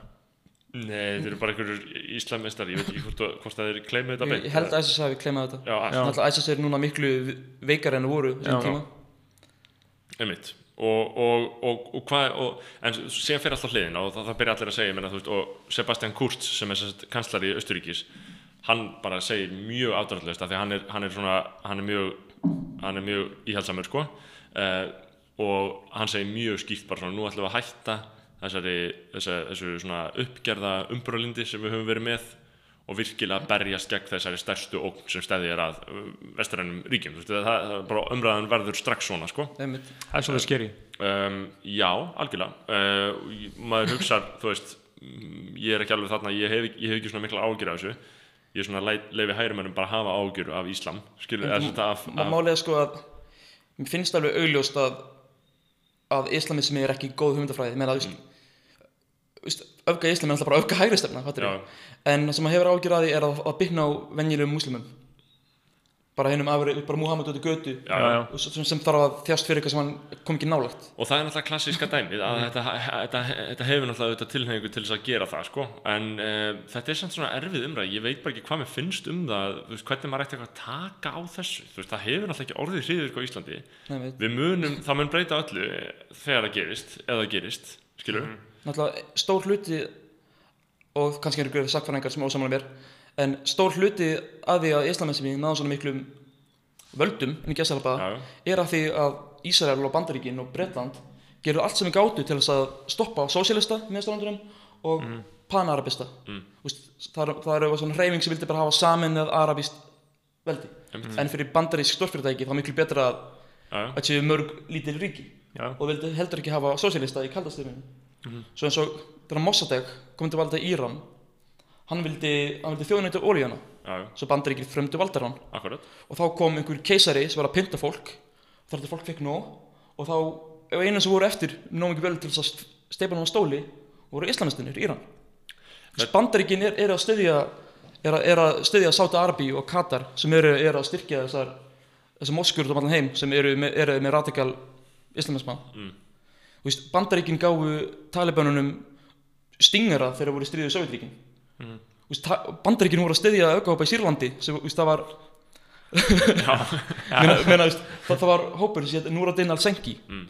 og þeir áttu að vera svaka liberal, liberal moderate upplýstumenn og bandaríkin voru að dæli í þeim bara, bara góðum vopnum.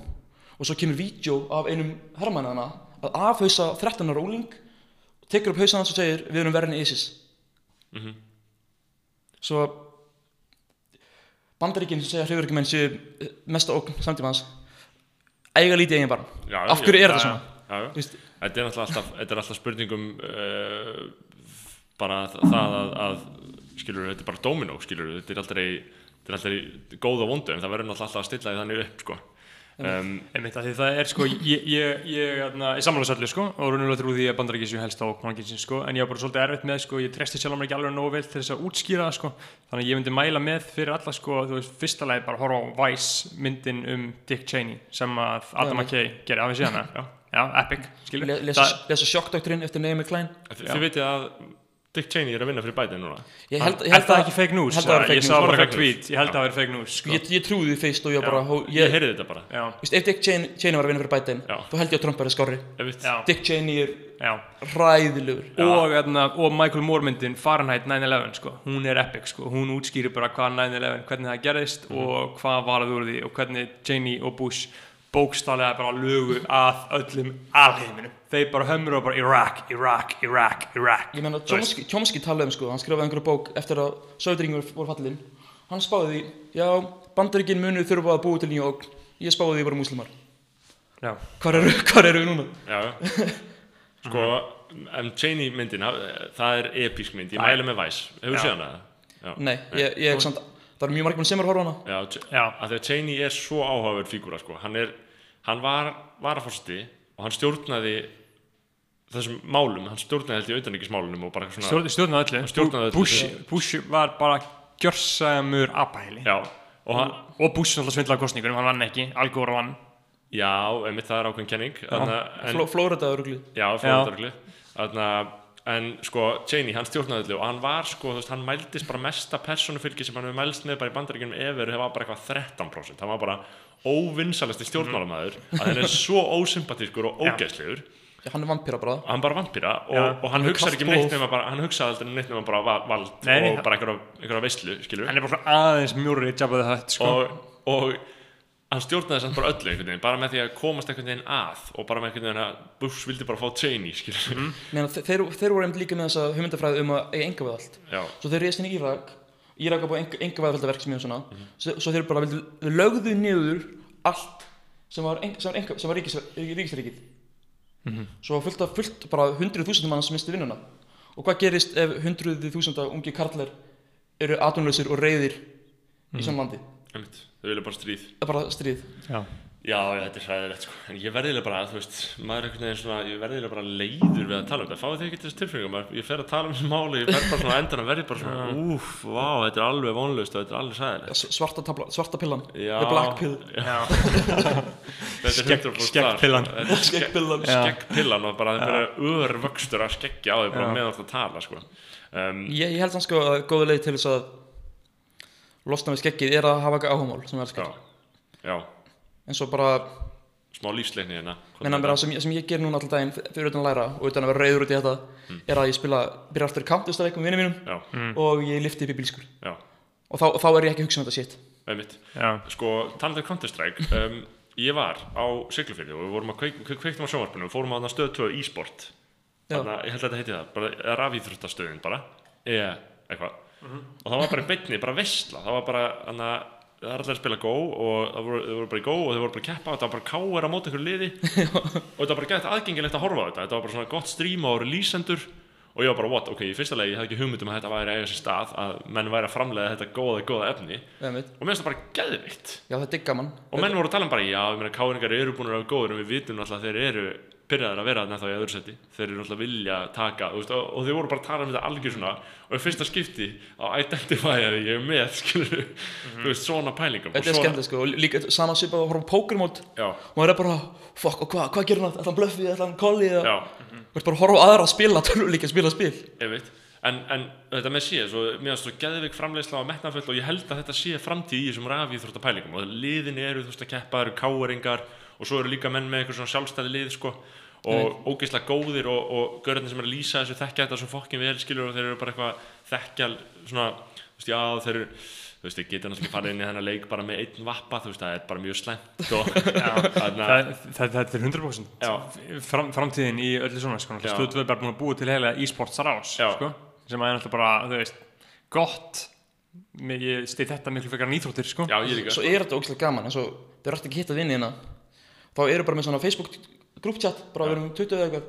Bara eitthvað, hæ, ég vantar 5 í leik núna. Já, já, og þá er þetta að hitta vinni hérna bara á Discord í Counter-Strike já, bara epíst, epíst bara, og, og mér er bara svo gaman að sjá hvert, hvert er komið, sko, haldið þetta- þið ekki að þetta rafíþrótta dæmi geti bara orðið eitthvað? Jú, að því það, þú eru íslenski youtuberar sem að geta bara, þú veist, næstu lifa og vera að gera eitthvað svona bullshit myndbönd Já. og eitthvað svona þannig svo- heldur það, er það, er, er Já, ég meina, það, var, það var einn gaur, í- íslensku youtuberi. Sem ég átt ma- að fara yfir að vísi en Nei, sem að átti að vera bara með þátt hana á stöð 2, Extreme Sports, eða nei, annar e-sports. Já, alls ekki extreme. Nei, alls ekki Extreme Sports, e- e-sports. Uh, og síðan, síðan, var hann cancelled. Hann, fyrir hvað eftir? að því hann var á livestreami og 6ix9ine rapparinn 6ix9ine kom á livestreami hans. Já, spilaði með honum. Ah, já, og, bara, og gerði myndband um það. Bara 6ix9ine, ég spilaði með 6ix9ine Íslandingur Íslandingur, já. Og stötu fyrir á Af þetta, því wow, að- þetta vissi ég ekki. að að því að það er ekki svo gott að þeir velji þetta Já. að já, já, sko. að, að því að 6ix9ine er alleged nýðingur já, já, já, það, er, sá ekki hann að það er eitthvað YG YG gerir eitthvað myndband, það er svona mynd af 6ix9ine og svo stendur svona pedophile. Já, já, aftan. já, já. Þú veist, þeir, þeir, þeir heiki ekki við að kalla hann pedofíl sko, en, en er það potið sko, og hann síðan alltaf margt annað problematíku en, en þessi Íslandingur var cancelled út af því að hann út af hann, sko, út af hann, ég held að hafa verið af því að maður monta sér svo mikið af að 6ix9ine hafa komið, mér finnst auðvitað, ég meina þetta bara, þú veist vinsalasta internetfígúra alheimsins á þessum tíma, hann er alveg fallin af núna, sko, en Alræmdur. já, bara ge- geggjað að alræmdur flottur. Þarna, en bara geggjað að- geggjað að, horfa þetta að ræði þetta dót sko, því að þetta var náttúrulega algjörlega í aðrinum þegar við vorum alast upp um, eðlilega, uh, já, uh, en, en þú veist, en þarna er mitt skilur fær fólk svona aðeins bara uppreist æru skilur að fá að vera bara, þú veist, eitthvað að spila töluleiki og tala um þetta eins og þetta sé ekki bara algjörlega fáránlegasta sem við hefur gert, af því að málið er að það er svo mikilvægt að við náum að hagnýta að einhver leiti þann mikla tíma sem fer inn í þetta. Já, já. Já. annars er þetta bara allt unni fyrir gík út af því sko, Ég líka sko þegar ég er að spila með strákunum svo sett inn marga klukkutíma í CSGO menn ég spila þetta senast í nýjunda bekk og þeir bara þekkja öll möppin utanaf já, þeir vita nákvæmlega hvað þeir gera, hvað þeir skjóta og þeir þetta er pínast að sjá einhvern haga sér á, á. Já, bara kunna haga sér á mappinu og bara þekkingin er svo ótrúlega mikil og reynslan er svo ógeðslega mikil. Þetta var eins og skák. Allir setja- á skák. Já, og þetta er, þú veist, þess vegna er svo mikilvægt bara að þú veist, að þetta er hvað sem er svo mikil tími hjá fólki að fara í þetta að það sé búið til einhvers konar vettvangur þar sem að við getum allavega hagnýtt einhverja prósentu af þeim tíma sem fyrir í þetta sko. þe- Þetta er svona, þetta er smá svona decriminalization, sko, Já. svona sk ska, skaðamingun, sko. Þetta er út- skaðamingun, sko. Út af því að en helst að vandamál, allir sem er að vinna með einhverjum, einhverjum félagsmyndstöðum eða með einhverjum úlinga, einhverjum barnasálfræðingar og bla bla bla, þú veist, alltaf helst að vandamál er bara að menn eru gjössanlega læstir í tölunni sinni, skilur, Já, þeir vil ekki fara út af herbygginu Ég sinni. var þannig sko Já, Menna, ég við Já, já. Held, ég held að eina ástæð fyrir af hverju ég elska að lifta er að þetta er pína sem einhver svona þessi einhver svona nördalegur töluríkur sem ert að safna levels og ert að, ert að sjá árangur á einhverju grændi. Já. En að, þetta er eitthvað, þetta er, ég held að sé líka bara byggt í mann Já, sko, ég held að ég, einmitt, við, við allir örgulega bara liðið lið mörg ár lífsmísa sem ég hugsaði ekki um neitt annað en bara að fara í töluleik um, og um, en það var aldrei þú veist, það var aldrei, kom aldrei til greina að þetta myndi hafa einhverja þýðingu, sko. Þetta er samt svo áhugavert líka með félagsmiðstöðunar að það er stærsta vandamáli eru bara tölvurnar Já, það er bara Um, sveitti kallmenn, sveitti strákar. tölvur og símar og maður hugsa náttúrulega bara um, það er svo fyndið hvað maðurinn er fær um að búa til tækni sem snýst gegn honum Já, það, það, það er magnað sko, Já. öll tækni snýst gegn okkur sko, hvo- hvo- hvort myndið þið uh, vilja að uh, sonur ykkar eða dóttir ykkar var gamer eða áhrifaldur? Skilur, hef, hefði aspirations í annarkvort, skilur, hvort viljið hann- glorify? Hefði aspirations, þú veist. Já, ég þyrfti að sjá, ég væri miklu skilur, hann er 14 ára og bara hann getur farið annarkvort leina, hann getur orðið áhrifaldur eða hann getur orðið pro-gamer. ef ég veit að hann mun farnast vel í áhrifavallaleiknum 100% þangað. En það, gaur, sko, uh, ég held að áhrifaldar er ekki með góð andlega hilsu, sko. Nei, Nei, Þeir eru, Mér finnst sko- þetta líka eitthvað satanískari já, Já, þeir eru að vinna fyrir myrkra upp samfélagsins, sko. Ég myndi samt vilja að hann væri að æfingar íþrótt líka með. Og þarf ekki endur að vera fótbolti, bara eitthvað sem sé að hreyfa sig. Já, Af ég, af- af því ég hef innlegginni ágjur að fólk sé að borða og fóa allt og hreyfa signa já. Vist, það, það er að ég, problem. það væri, það væri mjög gott einmitt að hann væri í einhverjum íþróttum körfubolta, ég væri til að vera í körfubolta eða eitthvað sem er svona ekki alveg fótbolti sko. Ég, ég vildi óska þess að ég hef byrjað að, að lifta fyrr og Já. allt fyrr. Mm. bara, ég held ekki að þetta sé bara svo gott að vera hraustur sko, þú veist, ef þú fær COVID ef þú- fær COVID þá viltu vera í formi, skilur. Þannig að allir segja, sko, já, hann fekk þetta en hann er bara svo hraustur, það gerist ekkert. Ég menna það er, það er rannsóknir sem sína að ef þú veikist eitthvað þú ert eldri því fyrir sem nær að standa upp og vera virkur aftur þá er meira líkur á að þú lifur af Einmitt. veikindin og styrkur í fótum er stór partur í að þú getur staðið upp. Já, Þetta er, þú veist, ef þú verður stúlur á að skvarta sem krakki getur mögulega haft þessi áhrif já, algjörlega. sinni framtíðinni. En ég held líka að mitt sko þetta með virknina, veist, virkni er svo mikilvæg þetta er ástæðan fyrir að margir eru í með svo slappa andlega heilsu á veiru tímunum að virknin manns er svo lítil. Líf manns var svo fjölbreytt. Maður fór þangað, síðan þangað, síðan þangað síðan þangað. Og ég var að hugsa skilu það er ekkert sorgleira en að lifa þannig lífi að útivist bara að það að fara út úr húsi sé eitthvað sérstætt verkefni eða afreg skilu, Já. maður hugsa eitthvað svona, heyrðu, núna, veist, maður er svo þreyttur á að það sé eitthvað svona næs, ég fór út, skilur, þetta á að vera bara algjörlega, þú veist, ég er að segja, lífið þetta á að vera algjörlega þannig að það er algjört non-issue að þú farir út, eða sammála. Skilur og lí- líka með þessu COVID hafi ekki séð eitthvað fólk eitthvað svona eitthvað, það er allt í lagi að hreyfa sig ekki í COVID. Mhm. mér finnst ekki allt í lagi. Mér finnst að þegar að COVID þetta er högg gegn þér Mhm. þá átt að nota spilin sem hefur að líða betur og hreyfing er spil sem getur kastað út til þess að líða betur. Já, saman hvort sem göngutúr eða bílskustjím En málið er bara það bara er svo erfitt að ég þekki það bara sko, þú veist, ég var bara sex ár í líminu, það sem að hreyfing var bara gjörsum þjáning. Það var bara það hræðilegasta sem ég gat ímynda mér, var að fara í ræktina eða fara í einhverja fjallgöngu eða bara fara út að lappa, þetta var bara ofbeldi, mm. gagvart manni. sama, sama, ég tengi algjörlega sko, ég var alltaf lang minnstur og grænstur ég var, ég var 50 kíló þegar ég byrjaði FG sko. Mhm. en svo allt innu, allt innu fekk ég testosterón og alltaf, allt, allt innu Já. sta- stækkaði ég um 30 cm og fekk stór læri og var, þú veist og bara, þú veist, þegar þú finnir eitthvað sem virkar. Já. þá, þá verður þetta ekki að mikið Einmitt, það var málið að því að ég held að hafa ekkert endilega verið hjá mér sko, endilega kvíði við að lifta lóðunum í ræktinni, heldur bara viðvera í ræktinni. já, já, Staðsetningin, bara toxic orka inn í worklagsat á nesi. ég er svo spenntur þegar ræktinnar opnað aftur, Ég sko. get ekki beðið sko. það verður svo fokki mikil veisla, ég held að sé bara í des, sko, hlýtur að vera, sko. Þetta, ég er svona, minn eftir Dark Prince á Twitter, Jónas Bill já, hann sagði við mér bara, Gaur, þú ert að fara að koma að lifta með mér núna, þetta er ekki hægt. Já, og þá fannst mér hann að vera eitthvað, hvað er það hann ekki að fá þetta en þetta er eitt af best, besta sem ég gert fyrir mig. Já, Já, bara að hann bara sé mér bara sem ég bara netti mig bara, hvað, þú ert að fara lefta með þér. Ég, þetta er ekki hægt. Hann var MR King maður, Hva, whatever happened to him? Er hann? Er, hann er enda á lifandi sko. Bara feskur? sko. Hann er á lífi. Hann, hann er mjög góð minn sko. Hann er, hann, er hann á marga óvinni sko. Já, ég man, ég Eða man bara Twitter Hann óvinni var minni mjög umdeldur sko var hann, hvernig var hann aftur að skrifa á Twitter? Uh, Ná, hann bara Var Var hann bara með eitthvað stæla? Þetta veist? mjög basic antifeminisma þess tíma og, veist, sko, stundum var hann í einlægni að trolla eða var miskil Já, ég er að segja, þú veist, ég, ég sá ég sá alltaf eitthvað í honum, ég viss alveg, þú veist, ég viss alveg svona einhvern veginn, ég, mér, mér fannst ég skilja Dark Prince, sko. Já. oft, oft tweetaði einhvern sem ég var bara gjössalega ósamála en ég var grenjútur hlátur yfir því að hann hafa gert þetta Já, já, 100%. og það fólk var að taka slæði Já, Það, 100%. það er hinn fullkona tortured male anti-hero sko. Og, Það er það sem við viljum sko. eins og þess að gaurinn sem hann sagði Jésús, allir lúsir hann landsir hann falla kongin mér finnst það snill besta Já. tweet í heimi. Það- Og ég, það ég, ég, ég, segi þetta ítrykkað. Já. Ég segi þetta bara, þetta er bara inn í tungumálum mínu. Já, bara, bara- já, heyrðu, þeir eru komin til að fella kongin. Það er bara, hann, hann er einlægni rústaði svona tutum hans 20, hann rústa, hann rústa heilir kynskap sko, að einhverju fólki, sko. og var hann að tala um gils þá, eða? Nei, sjálfa sig bara sko. Já, já, já, allir hann sagði eitthvað sjúkt. Mun- mun- munið Lord of the Rings þegar hann bara fíllinn kemur og bara hrundullu frá. Þetta var þannig þegar hann kemur inn á vígvöllin og bara og allir bara, oh shit.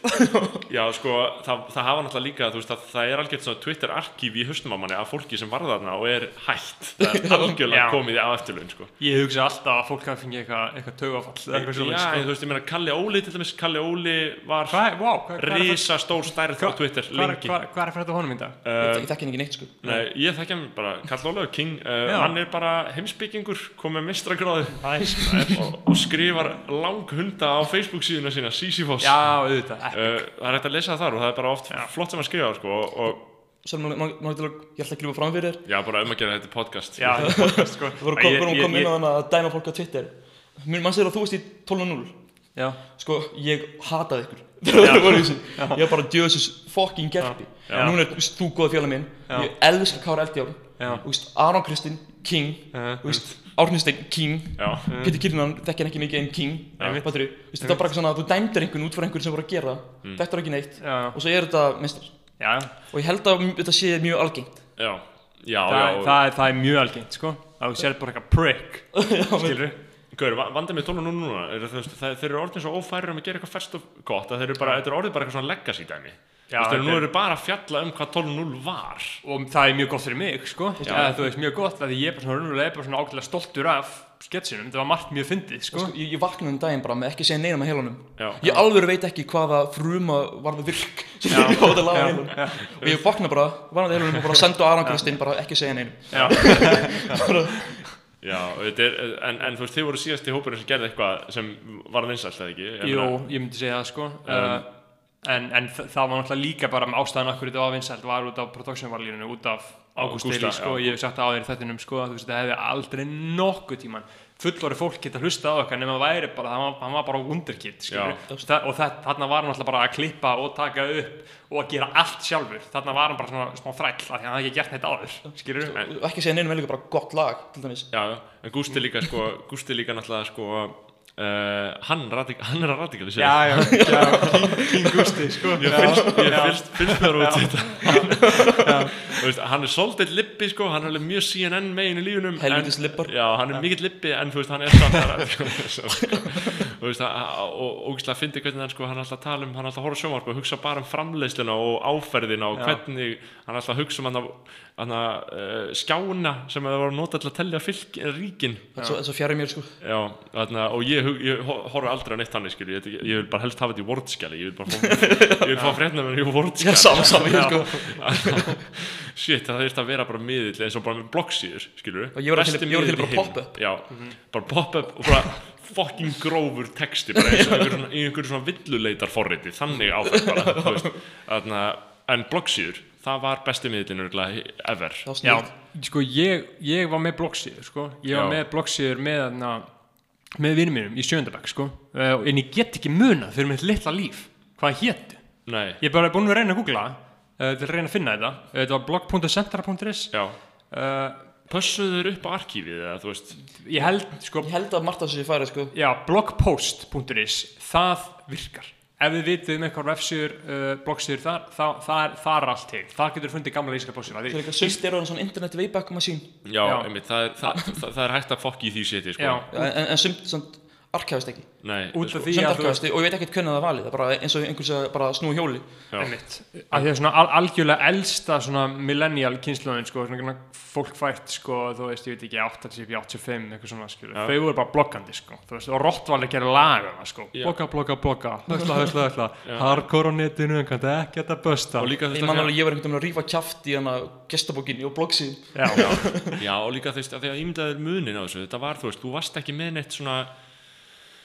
veist þú þú þú eins og með bloggsíðuna, þú þurfti bara að vita tengilinn á bloggsíðuna til þess að fara inn á bloggsíðu hjá einhverjum.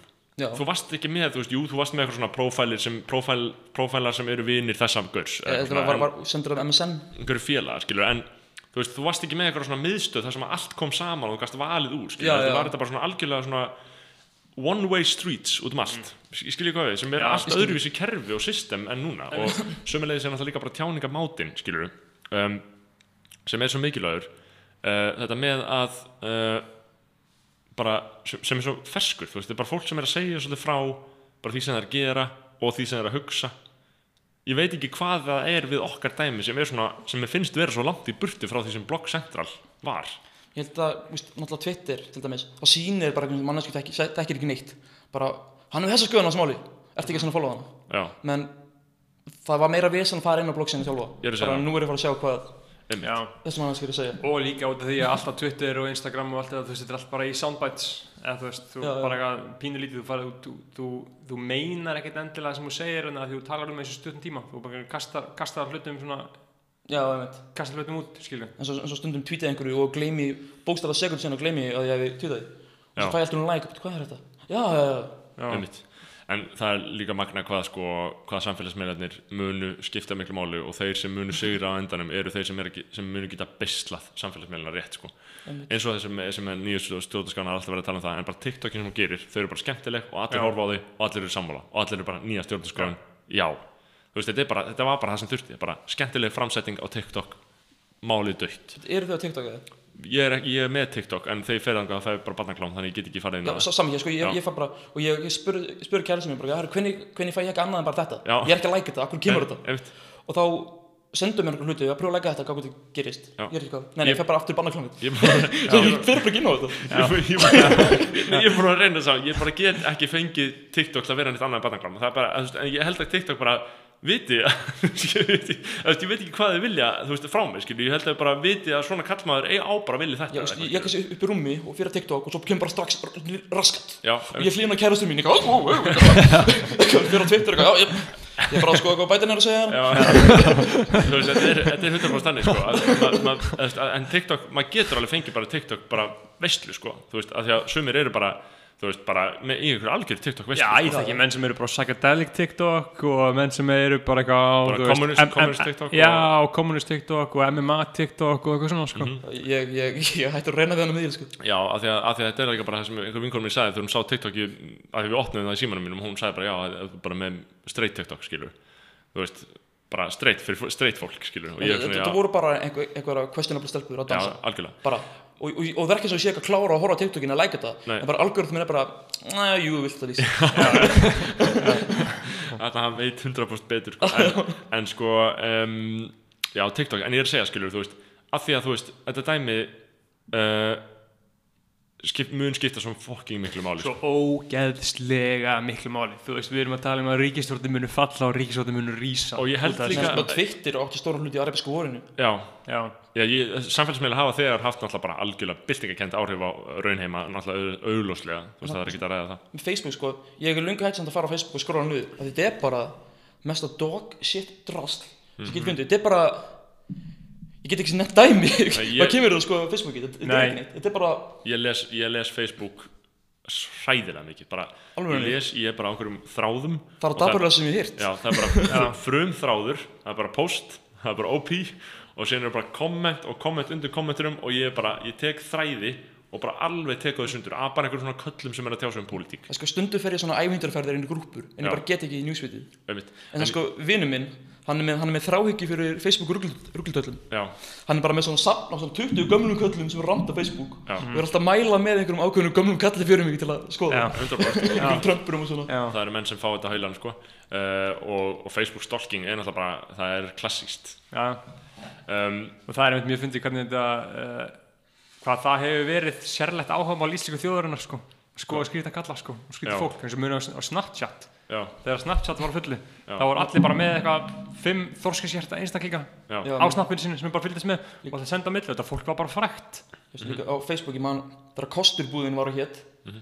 þá var hann að þá var Hvíl í auðlýsing friði. hvíl í friði þá var auðlýsaka kaffi og var svona hjarta í kaffibóllanum og stóð eitthvað ástin sigrar alltaf í ganni einhver gammal kall kommenta bara hjá kosti ef ástin sigrar alltaf af hverju svona há skilnaðatíðinni já, og ég fekk þetta mann á heiða í svona þrjú ár. Ég gati ekki að hugsa um hann. Þetta er- þetta gott komment sko en ég, ég er líka að hugsa mitt sko Já, það, það er eitthvað við þetta af því að, að því að þú veist, ef þú hugsar út í það raunverulega, ef þú fer raunverulega að hugsa hver kommentar, hver myndi gera þetta, hver raunverulega bara það er bara frétta miðill að deila frétt. Skilur, hver raunverulega kommentar eitthvað sem þeim finnst um þetta skilur, af því hvað er, hver er munurinn á mér og meina- þeim sem gerir þetta uh, þeir hugsa sjá þig á Instagram að taka upp myndband af þér að tala og hugsa hver myndi gera þetta hver raunverulega myndi miða myndavelni á sitt eigið mynd, á sitt eigið andlit og tala Já. í 30 sekundur En sko- þeir finnst það alveg absúrt og þér finnst það kommenta sko. Og, og líka það að ég vil ekki láta loka kommentarkerfinu Þú veist, kannski reyskoða það ef það er ykkur viðbjóður en samt finnst mér alveg ég og oft sammála. eru mjög epic komment Já. eins og talandun í stjórnarskana þá var ykkur, ykkur blá skipta eitthvað, eitthvað "Mm, þetta er óskynsamlegt. Mm, mm, mm." og einhver kommenta bara eitthvað, ah, íhaldsmaður. Eitthvað típist fyrir þá, eitthvað bara afturhaldsemi, klætti skikju skynsamennar Já, einmitt. geggja komment. Bara þetta komment rústaði allir grunnarnas Einmitt, já, þetta er, ég er alveg samanlega sko. um, Já, ég held, að, ég, held að, ég held að þetta muni þú veist, að því að ef, maður hugsa líka um bara íslenska, íslenska pólitíska landslæði skilur uh, vissulega er ímislegt sem, sem veldi því að, að sjálfstæðisflokkurinn að hafa mólnað undan sjálfstæðisflokknum á síðustu 20 árum. Uh, en ég, mín kenning er svo að samfélagsmiðla skipti ógeðslega miklu máli að það svona líka það að við miðflokkurinn séu til. Já, auðvuslega þær klopningar, skilur en í fyrsta lagi, skilur akkur verða þær klopningar, akkur býrst til einhver svona tómarum þar sem það geti gerst, skilur að því að öðrum flokkum er líka bara mikil breytt í skoðunum það getur alveg líka verið þannig. En, þú veist, ég held að samfélagsmeilar hafi riðlað algjörlega líðræðislega kerfinu okkar sem við vorum í það með, sko, ég held að það hafi algjörlega breytt þessu, sko. Já, út af því að þú veist að maður hugsa um bara fólk sem er svona svipum aldrei við sem var að alast upp og svona uh, komandi manns á svona 2016, 17, 18 var svona internetinu skilur og sjá alltaf um sjálfstæðsflokkin sjá bara Panama-skjölin og. Mhm. og Robert Downey og þú veist og allt þetta og þar sér það bara ok, ó, heyrðu, sjálfstæðsflokkin er ógislegur skilur og spáðsindi geta ekki rosalega mikið í því uh, en núna eru einu sem eru í sjálfstæðsflokknum einu sem að eru í sjálfstæðsflokknum eru bara þeir sem er aldrei upp í honum. Þetta Já. er bara, þetta eru trúabröðin og þú ert ekki að fara að breyta, þú ert bara að deyja fyrir þessi, Það- það, það eru líka- er eina fólki sem er í að sé- bókstaflega, ég held ég geti bara 100% fakta Ég held að það séu tölvöld færri einmitt svona að detta inn í flokk já, þú dettur ekkert, þeir, ná ekkert að þeir ná ekkert að konverta lengur. Þeir eru 100% að ná því, sko, það er alveg að gerast og Já, það gerist ennþá mjög virt en að fólk er miklu, ég held að þú veist, ef þú ert með eitthvað svona einhverja pólitísk hlutlösa einstaklinga bara, sem alast bara upp í einhverjum bara svona vísutölu fjölskyldum, bara, bara er í skóla, bla bla bla bla, aðeins mitt, ef að þeir geta hallað í báðar áttir, skilju, að þá er fólk kannski meira út af samfélagsmiðlum og út af bara vilda vinstrinu þar, já, skilju, þá er það bara örgulega líklega að detti eitthvað aðeins meira til vinstri, ég veit ekki hvort að þetta sé rétt meti hjá mér, en stóru, stóru rótgrónu fjölmiðlarnir hafa mist tökin, en skilju, samt, ég samt sko tók eitthvað smá hægri reaction út af mér fannst vinstri og Twitter pyrrandi og ég, þá held ég að vera hægri maður út af því já. þar til ég fór að actually lesa mig til. Já. já, Já, já, og, og skilur, maður er með, ég er íhaldsamur í alls konar efnum, skilur, ég vil, ég vil alls, alls, alls, alls, alls ekki að þetta frumvarp um mannanöfnanöfn, mannanöfn fari í gegnum þingið, ég vil bara, ég vil alls ekki að það gerist, bara, ég vil ekki að þið leifi ættanöfn, ég bara vil það ekki bara með líkamannum mínum og bara sálu minni, ég bara vil það ekki, og þetta er bara, þú veist, eitthvað, íhaldsum afstæða sem ég hef, þú, þú, þú hljómaður eins og þarna, uh, svo sem að skrifaði greinin í morgun. Anna og þarna, ég vil ekki kommunisma, ég vil ekki kommunisma, ég vil ekki kommunisma samt, með, þetta Vist, ég held ég þekki engan alvöru harðkarna kommunista, kommunista. nei, Vist, það er enginn sem er bara Stalin og meistari. Þetta er bara eitthvað svona bara hm, já, ég vil, ég vil að ég vil hátt ekki skatta eða eitthvað. Þá, þá er, ertu mertur sem kommunisti Já, það er bara, þú veist, McCarthyism, einhvern veginn bara svona, hefur bara virkað, bara kallað kommunisti. og þannig að við erum að tala um samfélagsmiðla. Ég, ég talaði um þetta líka senast en þegar ég skrifaði bjössaritgerði minna um fake news þá spurði ég út í hana stjórnmálskoðanir og svo bullaði ég bara einhverja fréttir og, og svo einhverja sanna fréttir og se- segja hvað satt og hvað ekki. Og þeir sem voru vinstrisinnaðir voru líklegir til að trúa vinstri fake news Já. sem eru hægri voru líklegir til að trúa hægri fake news. Algjörlega. Fólk vil bara staðfesta sínar sínum dogma Uh, 100% sko og það, er alltaf það sem gerist en, en líka bara þú veist með uh, svona eins og þessa greina skilur með svona kommunisma og hver er kommunist og hver er ekki kommunist einmitt. á Íslandi þú veist það, það menn er ekkit við erum ekkert að tala um eitthvað svona eins og ég fór í Berlín þá fór ég einhvern mann á þá flættist ég einhvern mann inn á einhverja ráðstefnu bara hefur alvöru kommunistaflokki innan skólans það var svona unglega hreyfing og ég var bláður, ég var skiptinemi og, og ég bara, ég satt heilan svona fund sko. Og var, ég hef aldrei hitt alvöru kommunistáður en þetta voru bara alvöru kommunistáður, þeir voru bara að tala um Trotski, Lenin, Stalin, þau voru bara að setja þetta algjörlega í samingi og þau vissu allir, allan literatúrin bara já, það er bara þýskir. Bara alvöru kommunistarhefing innan skólans. Uh, og bara virkilega harkalega mótmæla nýja hærinu, hærinu, þú veist, veit ekki hverju hverju. Og, og þetta var bara algjörlega epíst, ég satt heilan fundarna og þau voru bara að halda einhverjar episka ræður um, og þar hitt ég alvöru einmitt kommunista, ég hef ekki hitt svona fólk á Íslandi Nei, sko, ekki þetta veist, sko veist. uh, menn að vinni mínu kallar stundum grín eitthvað vinstri öfikamann Já, ég hef ekki, svona- ég hef ekki lesið Marx. Mig, ég hef ekki lesið Lenin fattur, ég, ég er bara svona, ég er bara einhver Bernie Krat já, já, Bernie Chomskyisti Chomskyisti menn veist, þe- þessi, alveg, þessi hörðu kommunistar eru rare. Og þeir eru bara, þú veist, það er heldur ekkert en samt svona með alltaf svona tilvísun til sósialisma, skilur veistlan er sósialismi, en það er auðvitað ekki eitthvað sem við erum að fara að gera, við munum halda bara í eitthvað hagkerfi hérna og, en samt með svona ágætlega mildu uh, bara svona með reglugerðum og með einhverjum forsendum til þess að skilur að, að peningaflin get ekki bara algjörlega vaðið hérna frjálst eins og þau vilja, skilur er algjörlega, ég veist, var ekki sniðut ef við myndum þjóðnýta nöðsynjar en, samt, en annars bara fólk gera hans vill. Það er ekki- það að fara þjóðnýta einhverja bóndabæ á Suðurlandi. nei, nei, alls ekki sko. Ég myndi helst vilja náttúrulega, ég hef lí- líka að tala fyrir ríkisfötum, ég væri til að stíga það skref að það væri ríkisbúningur, að það væri allir í sömu fötum. Sko, ég held að það fyrir bara svona tvo viking sterk ef þú verður einhvern nazisti Að það, ég, en ég myndi ykkur hvað það væri fallegt bara, þú veist, þú færi bara brúna buksur og svarta buksur, skirtu, ból, peysu, þú átt allt. Þú, það, það er allt til alls eður og bara allir í sömu fötum, það væri svo epísk sko. ég meina, það stum svona svo hef ekki séð þar fólk er að tala um hvað svona, hvað svona komablokkir og ljótar. Mhm. það er svona að degja út á götu, fattur Já, já, þannig að já. það er svona shit sem að svona, ok, þetta, make- þetta make a sense. En það make Komablokkar sense eru ekki eitthvað sem er ekkert ljótar, það eru ferskar sko. Er það málið? Já, Já, bara fl flestar fallegar, sko. Gamla, gamla blokkir, í- blokkir í Prag, bara fucking nettar, sko. Já, Berlín að, og, aðminn sem er frá því að, að hann og vinar hans fengi bara útlutaði lóð og þeir byggðu blokk. Já. Bara þeir, sjálfur Já, Gaur, það, er líka alltaf sko, fólk var svo mikið að byggja húsin í gamla dag sko, uh, og blokkir. Uh, þeir eru alltaf uh, í öllum minningagreinum sem maður les frá einhverjum svona fólki sem er að deyja svona cirka núna 90 ára það var alltaf skilu, já, það er alltaf minningagreinir frá nágrunum, já, við byggðum á sama tíma á þau, hérna, í víði hlýðinni eða eitthvað, það bara fólk var bara að byggja þessi einbýlis út um allt, sko, þetta er svo mikið harka. Já, menn aðminn var að segja mér frá því að fóreldrar hans fengi ekki vinnu ef þeir tölu gegn sjálfstæðsflokknum nei, já, já, það er náttúrulega líka hinn, hinn, hitt stóra vandamáli, sko, að þetta Já. var þannig og er að einhverju liti mér svo finnst sko ég man þegar afi, afi var alltaf verið bara harðið vinstamæður og ég, ég gamla dag var alltaf bara já, já, já, afi. Og svo núna er alltaf hægt að róla bara mjög eftir ykkur sagði bara Já. fuck, hann har rétt fyrir sér. Já, já. og veist, senustu fjögur löndin sem fór til voru Kúpa, Rússland, Kína og Östu-Þískaland ekki tilvílun, sko. Það er fyndið, geggjað, sko.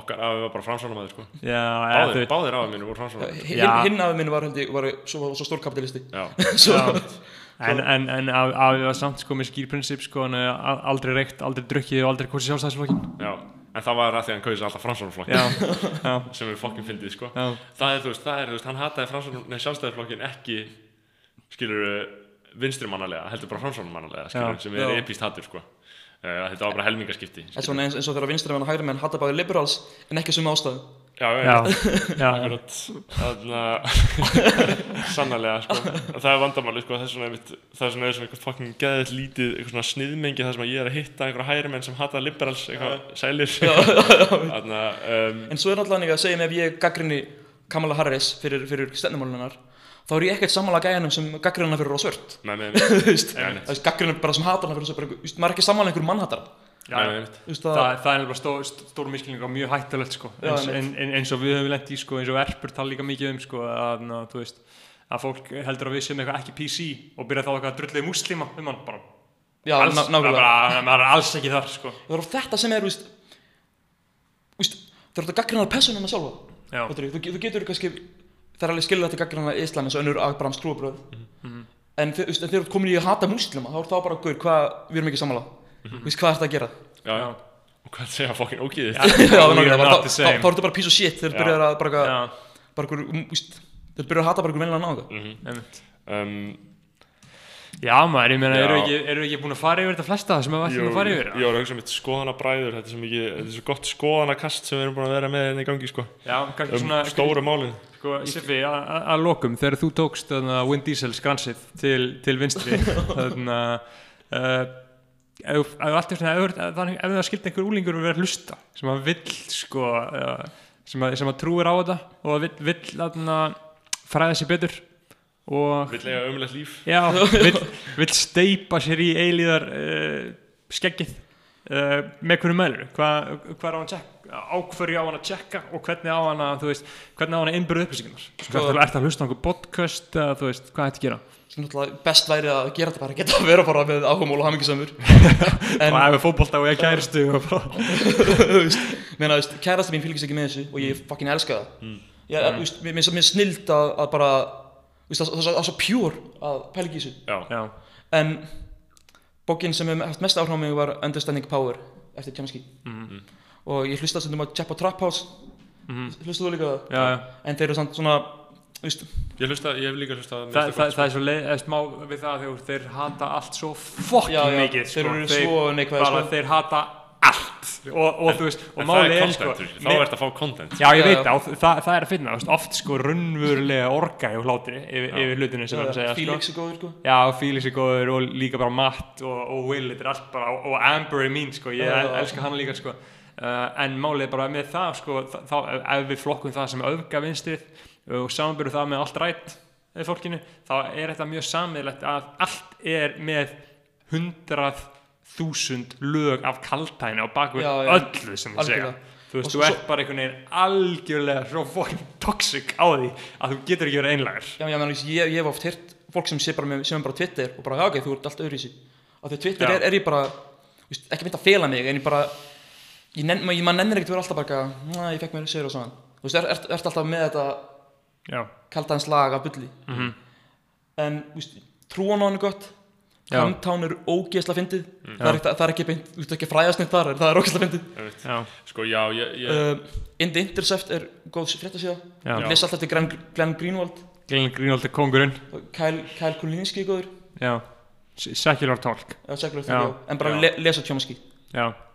Það er svo gott ráð, sko, það er svo gott tjómski kast, sko. að lesa Chomsky, þá, Já. þá farið alveg í skegg Ég held líka að, að ef að menn eru komni með smjörþef, skilur Mhm. ef, fólk er, ef, ef fólk er farið að hugsa svona eitthvað, ef maður er orðin eitthvað svona svona þú veist bara vombriðin er mikil þú veist bara þú er orðið fyrir vombriðin með humdafræðina. Með það sem hefur verið alltaf í því, skilur Það er þú hefur fengið eitthvað svona vombriðakasta sem þú hugsa bara, ó, þetta er allt bara byggt á einhverju frekar lélugum pælingum, skilur Já, það, þá er, þá er, þá býður þín að vera nokkuð súr. Ég meina, en þetta Chomsky, hann, hann segir alveg aldrei hvað best að gera. Hann segir bara svona, hér eru staðarindir, tólka þær. Mhm. og veist, lífið mitt er frekar næst sko, veist, ég, ég er garðabæðargerpi, fattur Já. veist, það væri mjög öðvöld fyrir mig bara að kjósa sjálfsflokkinu og klára skólan og bara, já, já. en bara þegar einhvern veginn þegar þetta brestur, það er svona, veist þegar fósitun að bresta. Já, já. Já, þá, Þe- Þegar þú fattar að Obama er ekki mestari já, ég veit, skilur. Og- og- Þegar þú fattar það allt í einu bara hann er bara að hitta Kendrick og uh, hann er strísklafmaður já, Já, skilur. einhvern tíma þegar ég var að dæla á okkur áráðuri og sagði snorri við mig eitthvað þegar þú hættir á liberal ertu alltaf með smá óbræði munum já, og ég man, svona það var smá eftir það því þú Já. ert alltaf með svona smá svona já, það er málið, sko. Þess að ég var að horfa á einhverja myndum daginn um einhver svona CIA agent og það var eitthvað atriða sem óvinnurinn var, var rússar og þeir voru svona að kissa rússarnir voru að kissa ringin sem hann sovjetmerkin á. Og ég bara svona hvað, hvað er ég að horfa á. Eitthvað Það er þessu málið. mikið propaganda. Þetta er propaganda, sko. Uh, og síðan glindur náttúrulega nefna Citations Needed líka sko. Já, Þa, það, það hefur svolítið gert mig tölvöld skeggjari en ég, en, en ég ætti að vera sko. Það er bara sko, hver sérstaklega serían sko, um, um muslima í Hollywood mér finnst það áhugaverða sko, þegar ég fjallum Hollywood sko, uh, og hvernig bíómyndir gjörsamlega rústa manni sko. Já, að eins og bara ég bara var heartbroken með uh, Argo Ben Affleck myndina. Ben Affleck er uppáhalds leikar minn sko. Hvern- Þetta er bara hvernig er búið að gera múslima að Já. bara Bara- og bara eitthvað svona shit sem að ég bara gati ekki mögulega séð mig sjálfur með mér eigin gaggrinn hugsun og þeir bara eitthvað splundur í heiminum opnum fyrir mér sko. Að líka eitt sem, við er Ilan Ómar er í Ef þið skoðið kommentin undir hennar Það er svo mikill bara viðbjöðslega múslima hatur gegn henni já, Bara, já, Það ég meina sko. Bara viðbjóðslega, bara Ég meina, forsetin segir við að go back to where you came from. Já, meitt og væntir að apa allir það upp eftir honum. Já, það er, það er mjög gott að Trump sé ekki einhver fórseti Já, já, já, veit Það er alveg frábært sko. Mál er, já, það er gott. Já. Það er bara, maður þarf að pæla í hverju maður er að fagna. Einmitt, út af því að þú veist, við glundum mér sérfna að, sko, þú veist, Biden var líka, sko, fremstur í flokki að rattfokka Edward Snowden, sko. Já, já, Já, Þú veist, já, já. Biden var bara settur í það. Augljóslega verndar öryggisríki sjálft sig sko, þú veist, það er bara að mun alltaf gera það sko. Þú veist Já, já, já, en það, en þetta ætti ekki að vera hannig, skilju. ég með, með En hvernig ætti það að vera? En þau ætti bara að taka þetta all, bara, hei, jó, fuck, við vorum að njósna einna um alla. Við Já. viðkennum það, ok, við ætlum að hætta þessu, fyrir geði. Þau ætti að gera það, en þau gera það ekki. Eitt við það að þú hættir á liberal er að þau fyrir að skoða hagsmununa á bakvið af hverju hlut, veistu, fyrir að skoða af hverju hluti gerast en svo af hverju fór fjölmjölan svo illa með Bernie af því þeir eru eigu milljarðamarika svo ef þú ert skinsamur fjölmjöla eigandi auðvitað er þetta að fara að drullega Bernie. Ef, ef þú ert Joe Biden í CIA piece of shit þá auðvitað er það þínum hagsmunum að passa að enginn þorir að, að blási flautin aftur eins og Snowden gerði. Það snýst alltaf um að sýna hvað gerist, skilur við. Öll svona viðbröð er alltaf bara, þú veist, þetta gerist, skilur við Þetta er kerfið. Vegna virkar ekki að segja bara þessi vondur. Þú verður- verður að útskýra víst, eins og minn eins og Twitter þegar, þegar fólk, er, þegar fólk var að tala um af hverju sjallar er á móti í stjórnarskránni. Og sögðu já, þetta er bara þetta og sjallar sögðu hvernig nú ertu að gera mér upp annarlega kvatir Já, þetta er ekkert annarlega kvatir, þetta er bara auðvitað myndir að gera það? Já. ef, ef þú, ef, það er mjög eðlilegt að gæta hagsmunna sinna, sko. Já, auðvitað gera það. Að það er mjög eðlilegt að gæta hagsmunna sinna. Það er bara mjög heilbrygt í raun og veru að gera það En það er líka bara allir læg þegar það er bent á það, sko. Já, um, Segjum það við stoppum hér, eða ekki jú, við bara erum, Það uh, eru ekki ferskir, var ekki gaman Jú. að koma jú, að veistla, ég ég finn smá kvíða það Það er alltaf að fá tónlistafólk að fólk sem bara gera eitthvað Já, Ég er bara eitthvað gæði mig kæft Hvernig það er að kynna mig það, er- það, er, það, er okkar, það er okkar alvöru stöf, sko Já. Já, gott, gott að fá að randa Já, þetta er bara þetta einu sanna. Uh, Siffi, bara gaman að, velkomin. gaman að fá þig. Uh, við, þú kemur nummið þrjú, 2021 vonandi, Já. næst, næsta Sé enda bara svo Já. bindum enda á þarna á, á árlegan Sifaki þátt Algjörlega, algjörlega. Guð blessi Assalamu alaikum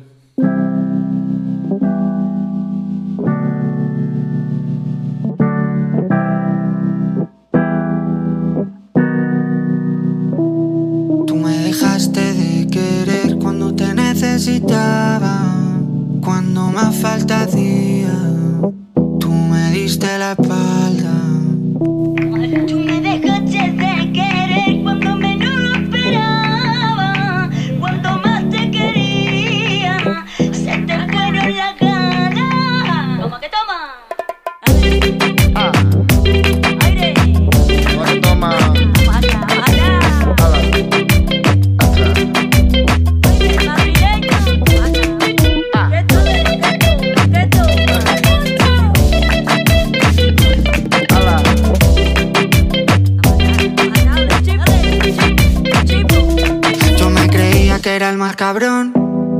Pero me estoy notando el corazón.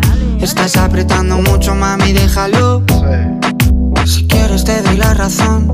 Yo lo único que quiero es largarme de aquí. Me da igual dónde puedes elegir. Algún día dentro de poco me voy a arrepentir de haberte confesado lo que me hace sufrir.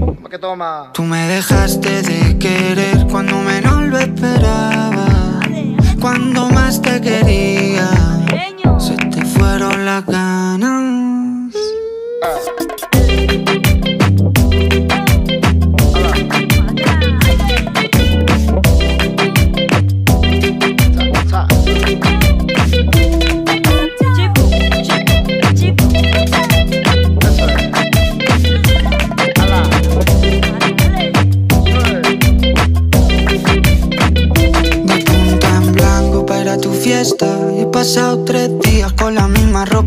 está loco por ti, perdiendo apuestas. Dime en quién piensas cuando te acuestas. Porque yo pienso en